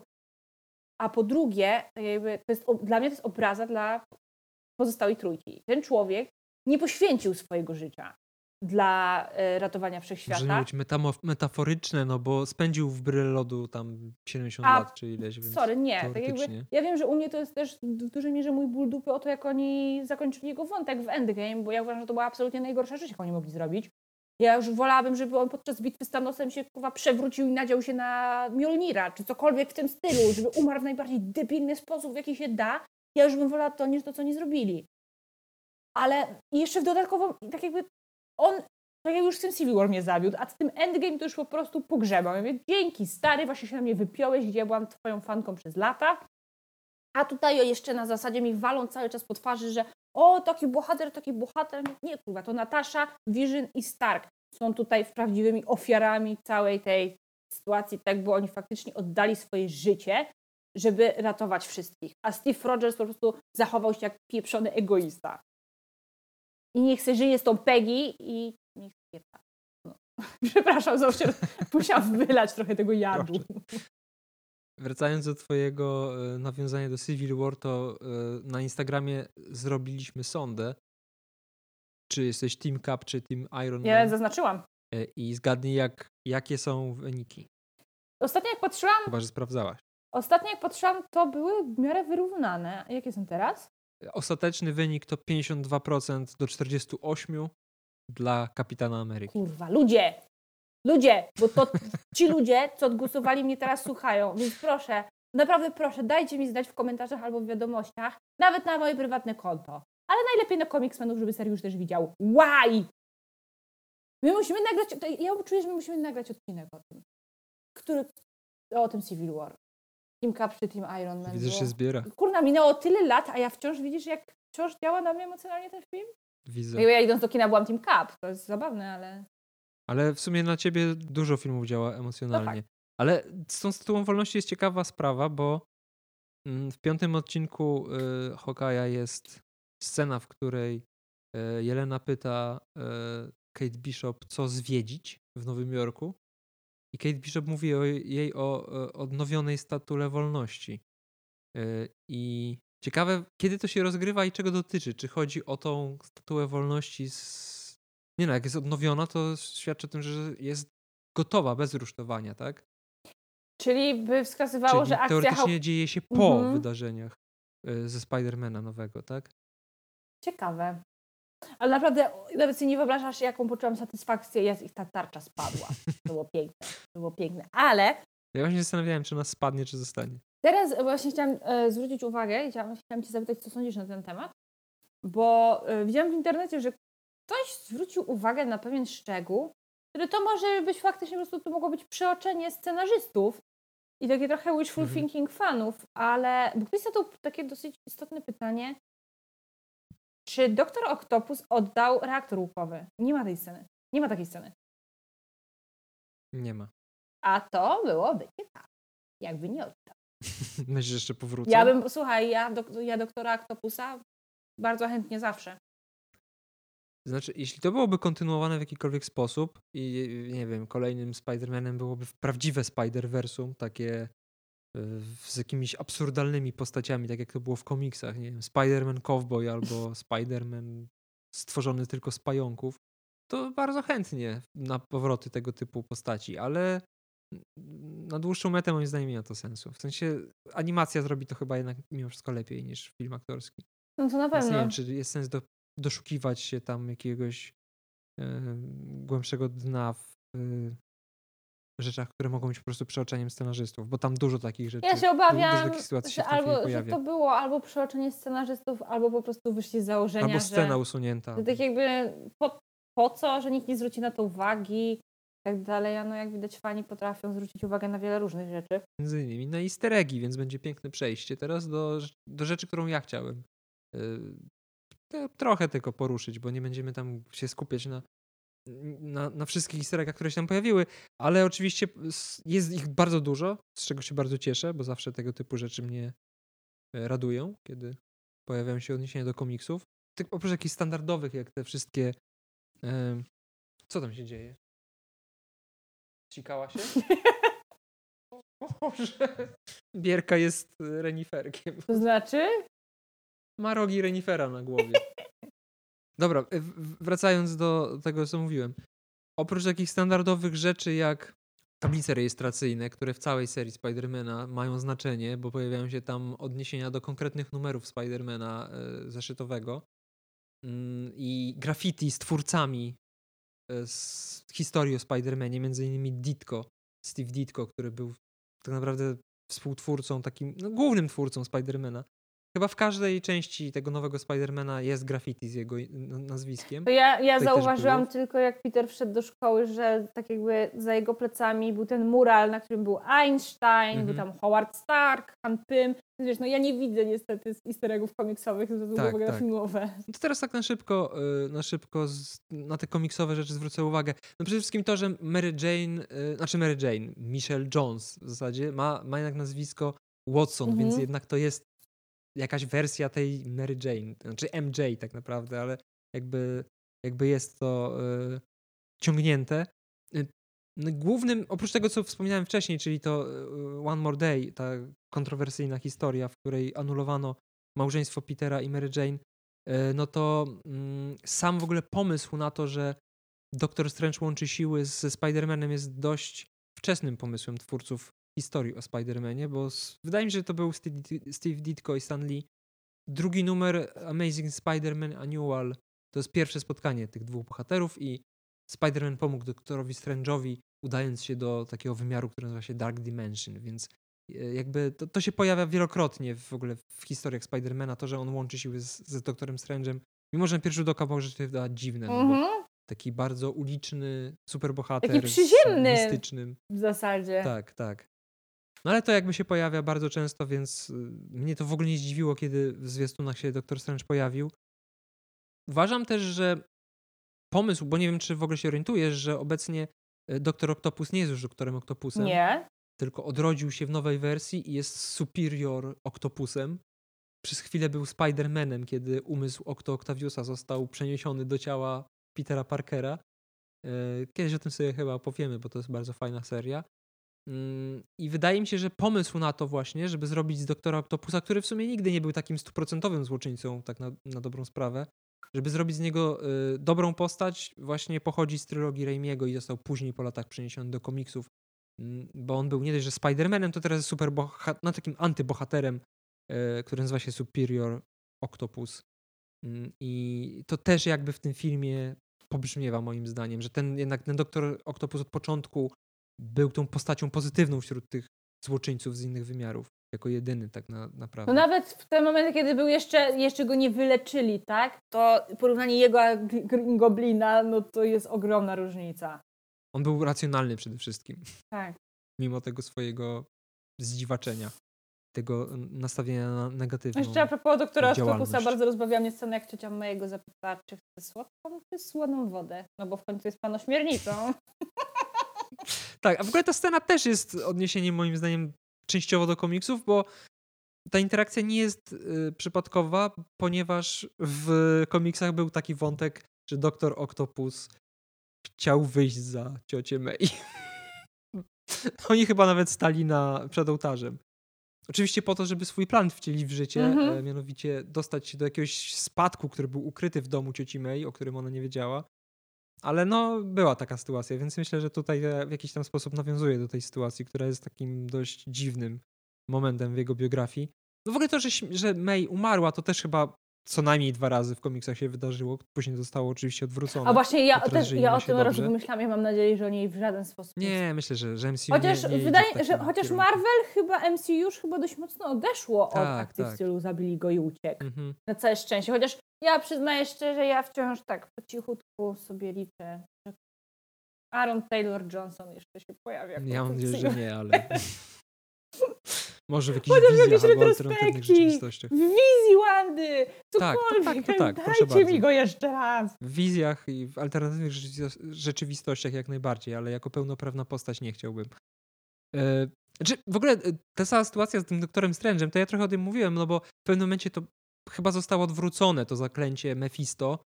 I właśnie wtedy komiksowy Spider-Man udał się po pomoc do doktora Strange'a, co ma o wiele więcej sensu niż w, w Spider-Man No Way Home. No niż tutaj. No bo jakby to jest pojedynczy przypadek, doktor Strange ma po prostu naprawić pamięć jednej osoby, bo zna się ze Spider-Manem dobrze i chce mu pomóc w jakiś tam sposób. Więc to faktycznie w komiksach też było.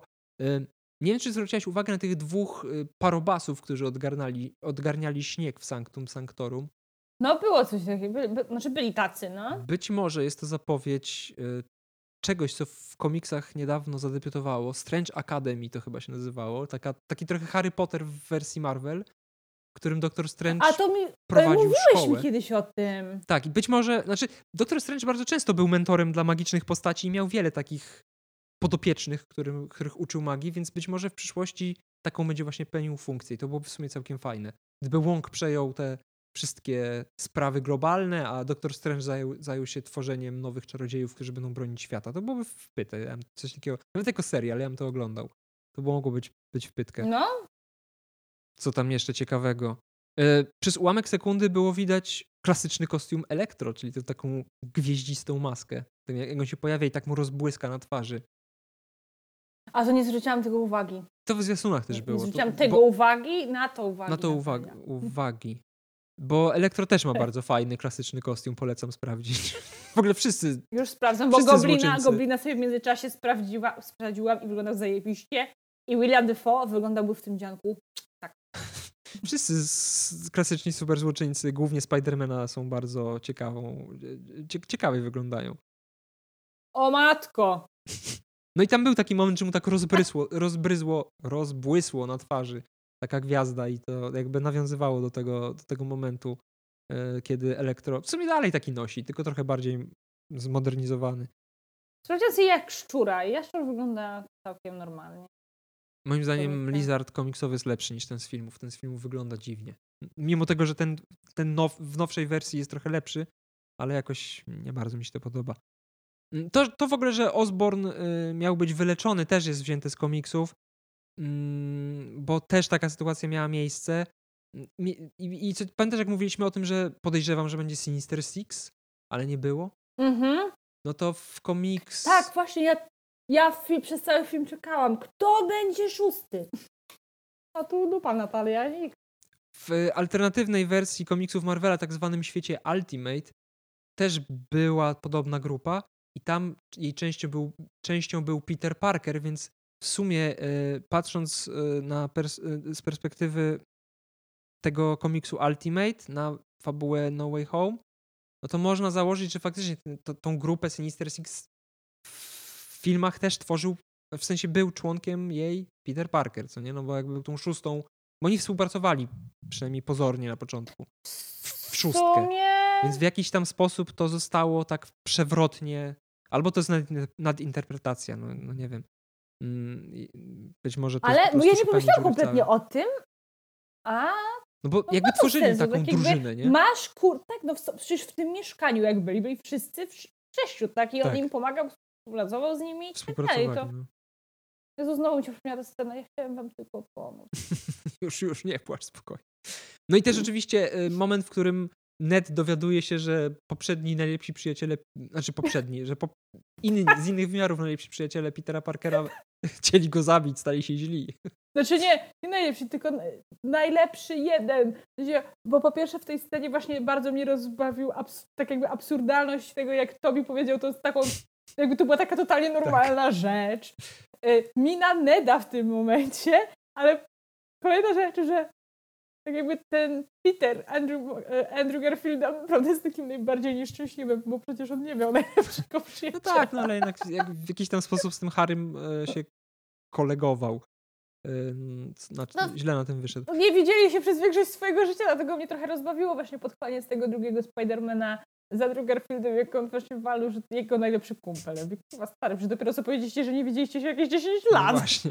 No ale wiesz. A macie jakieś 18. E, w każdym razie w komiksach Ned Leeds jest zupełnie inną postacią niż ten Ned Leeds z MCU. To, to, to właśnie mówił mi Kamil, że I... on jest chyba właśnie od, bardziej od Milesa niż od Petera, nie? E, ne, filmowy Ned Leeds jest oparty wizualnie i charakterologicznie na, inną posta- na, na innej postaci, na postaci A, Ganki, okay. który jest y, faktycznie kolegą Milesa Moralesa. Swoją drogą y, odniesienie do Milesa Moralesa też się pojawiło, kiedy Elektro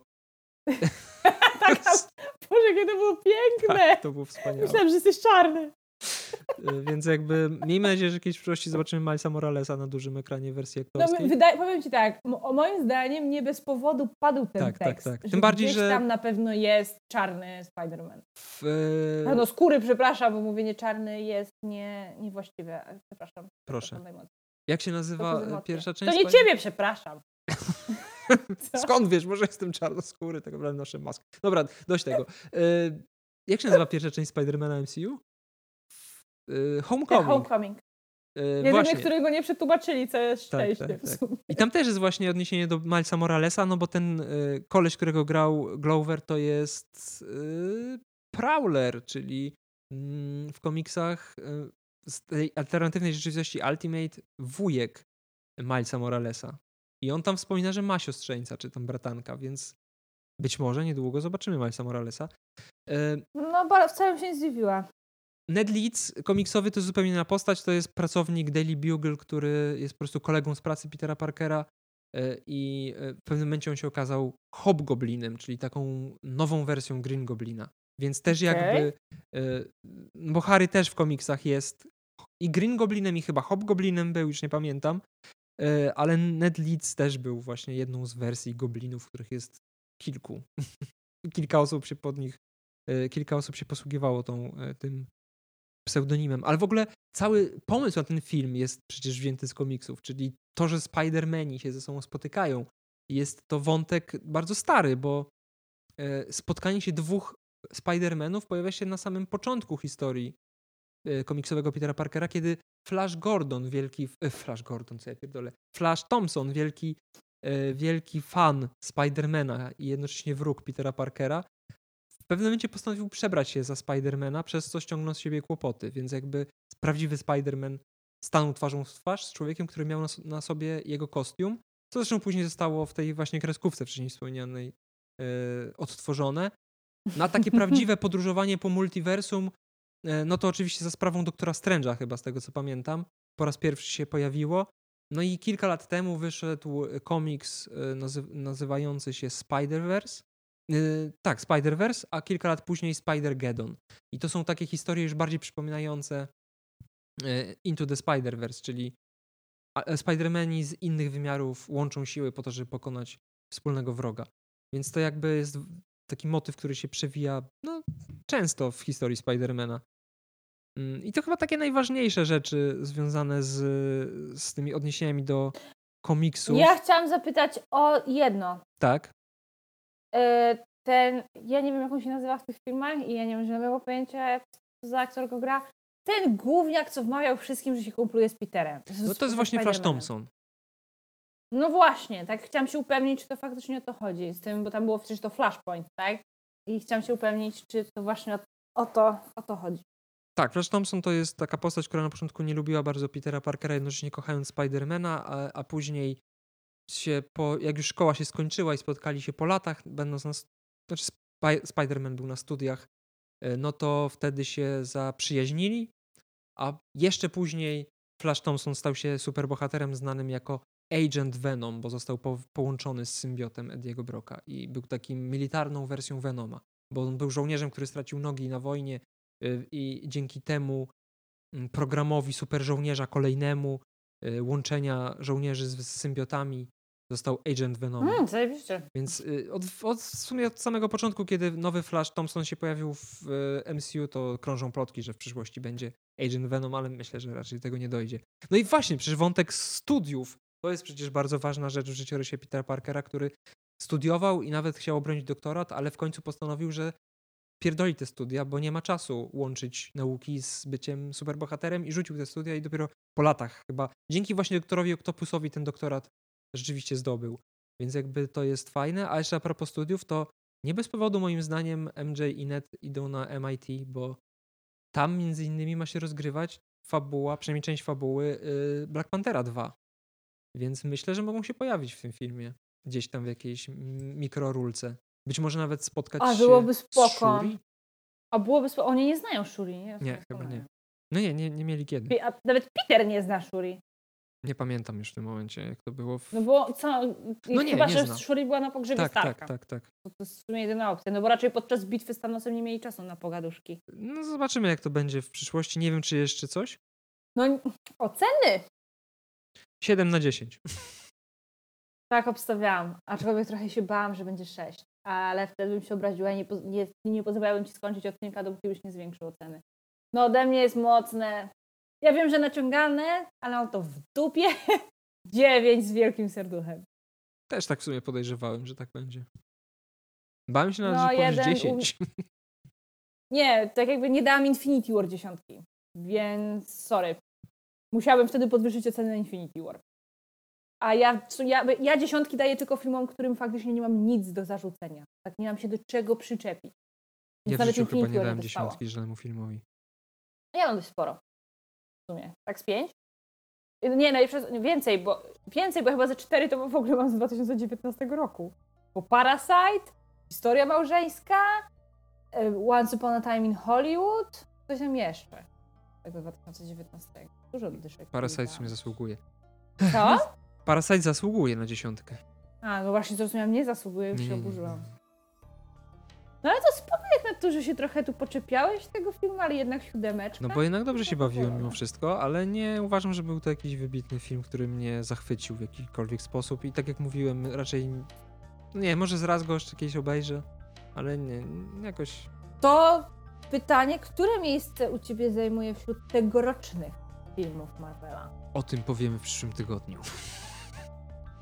W ostatnim odcinku w tym roku. Ostatniej środy tego roku. Więc czekajcie z niecierpliwością, chyba że chcesz coś jeszcze powiedzieć na temat Spider-Man No Way Home.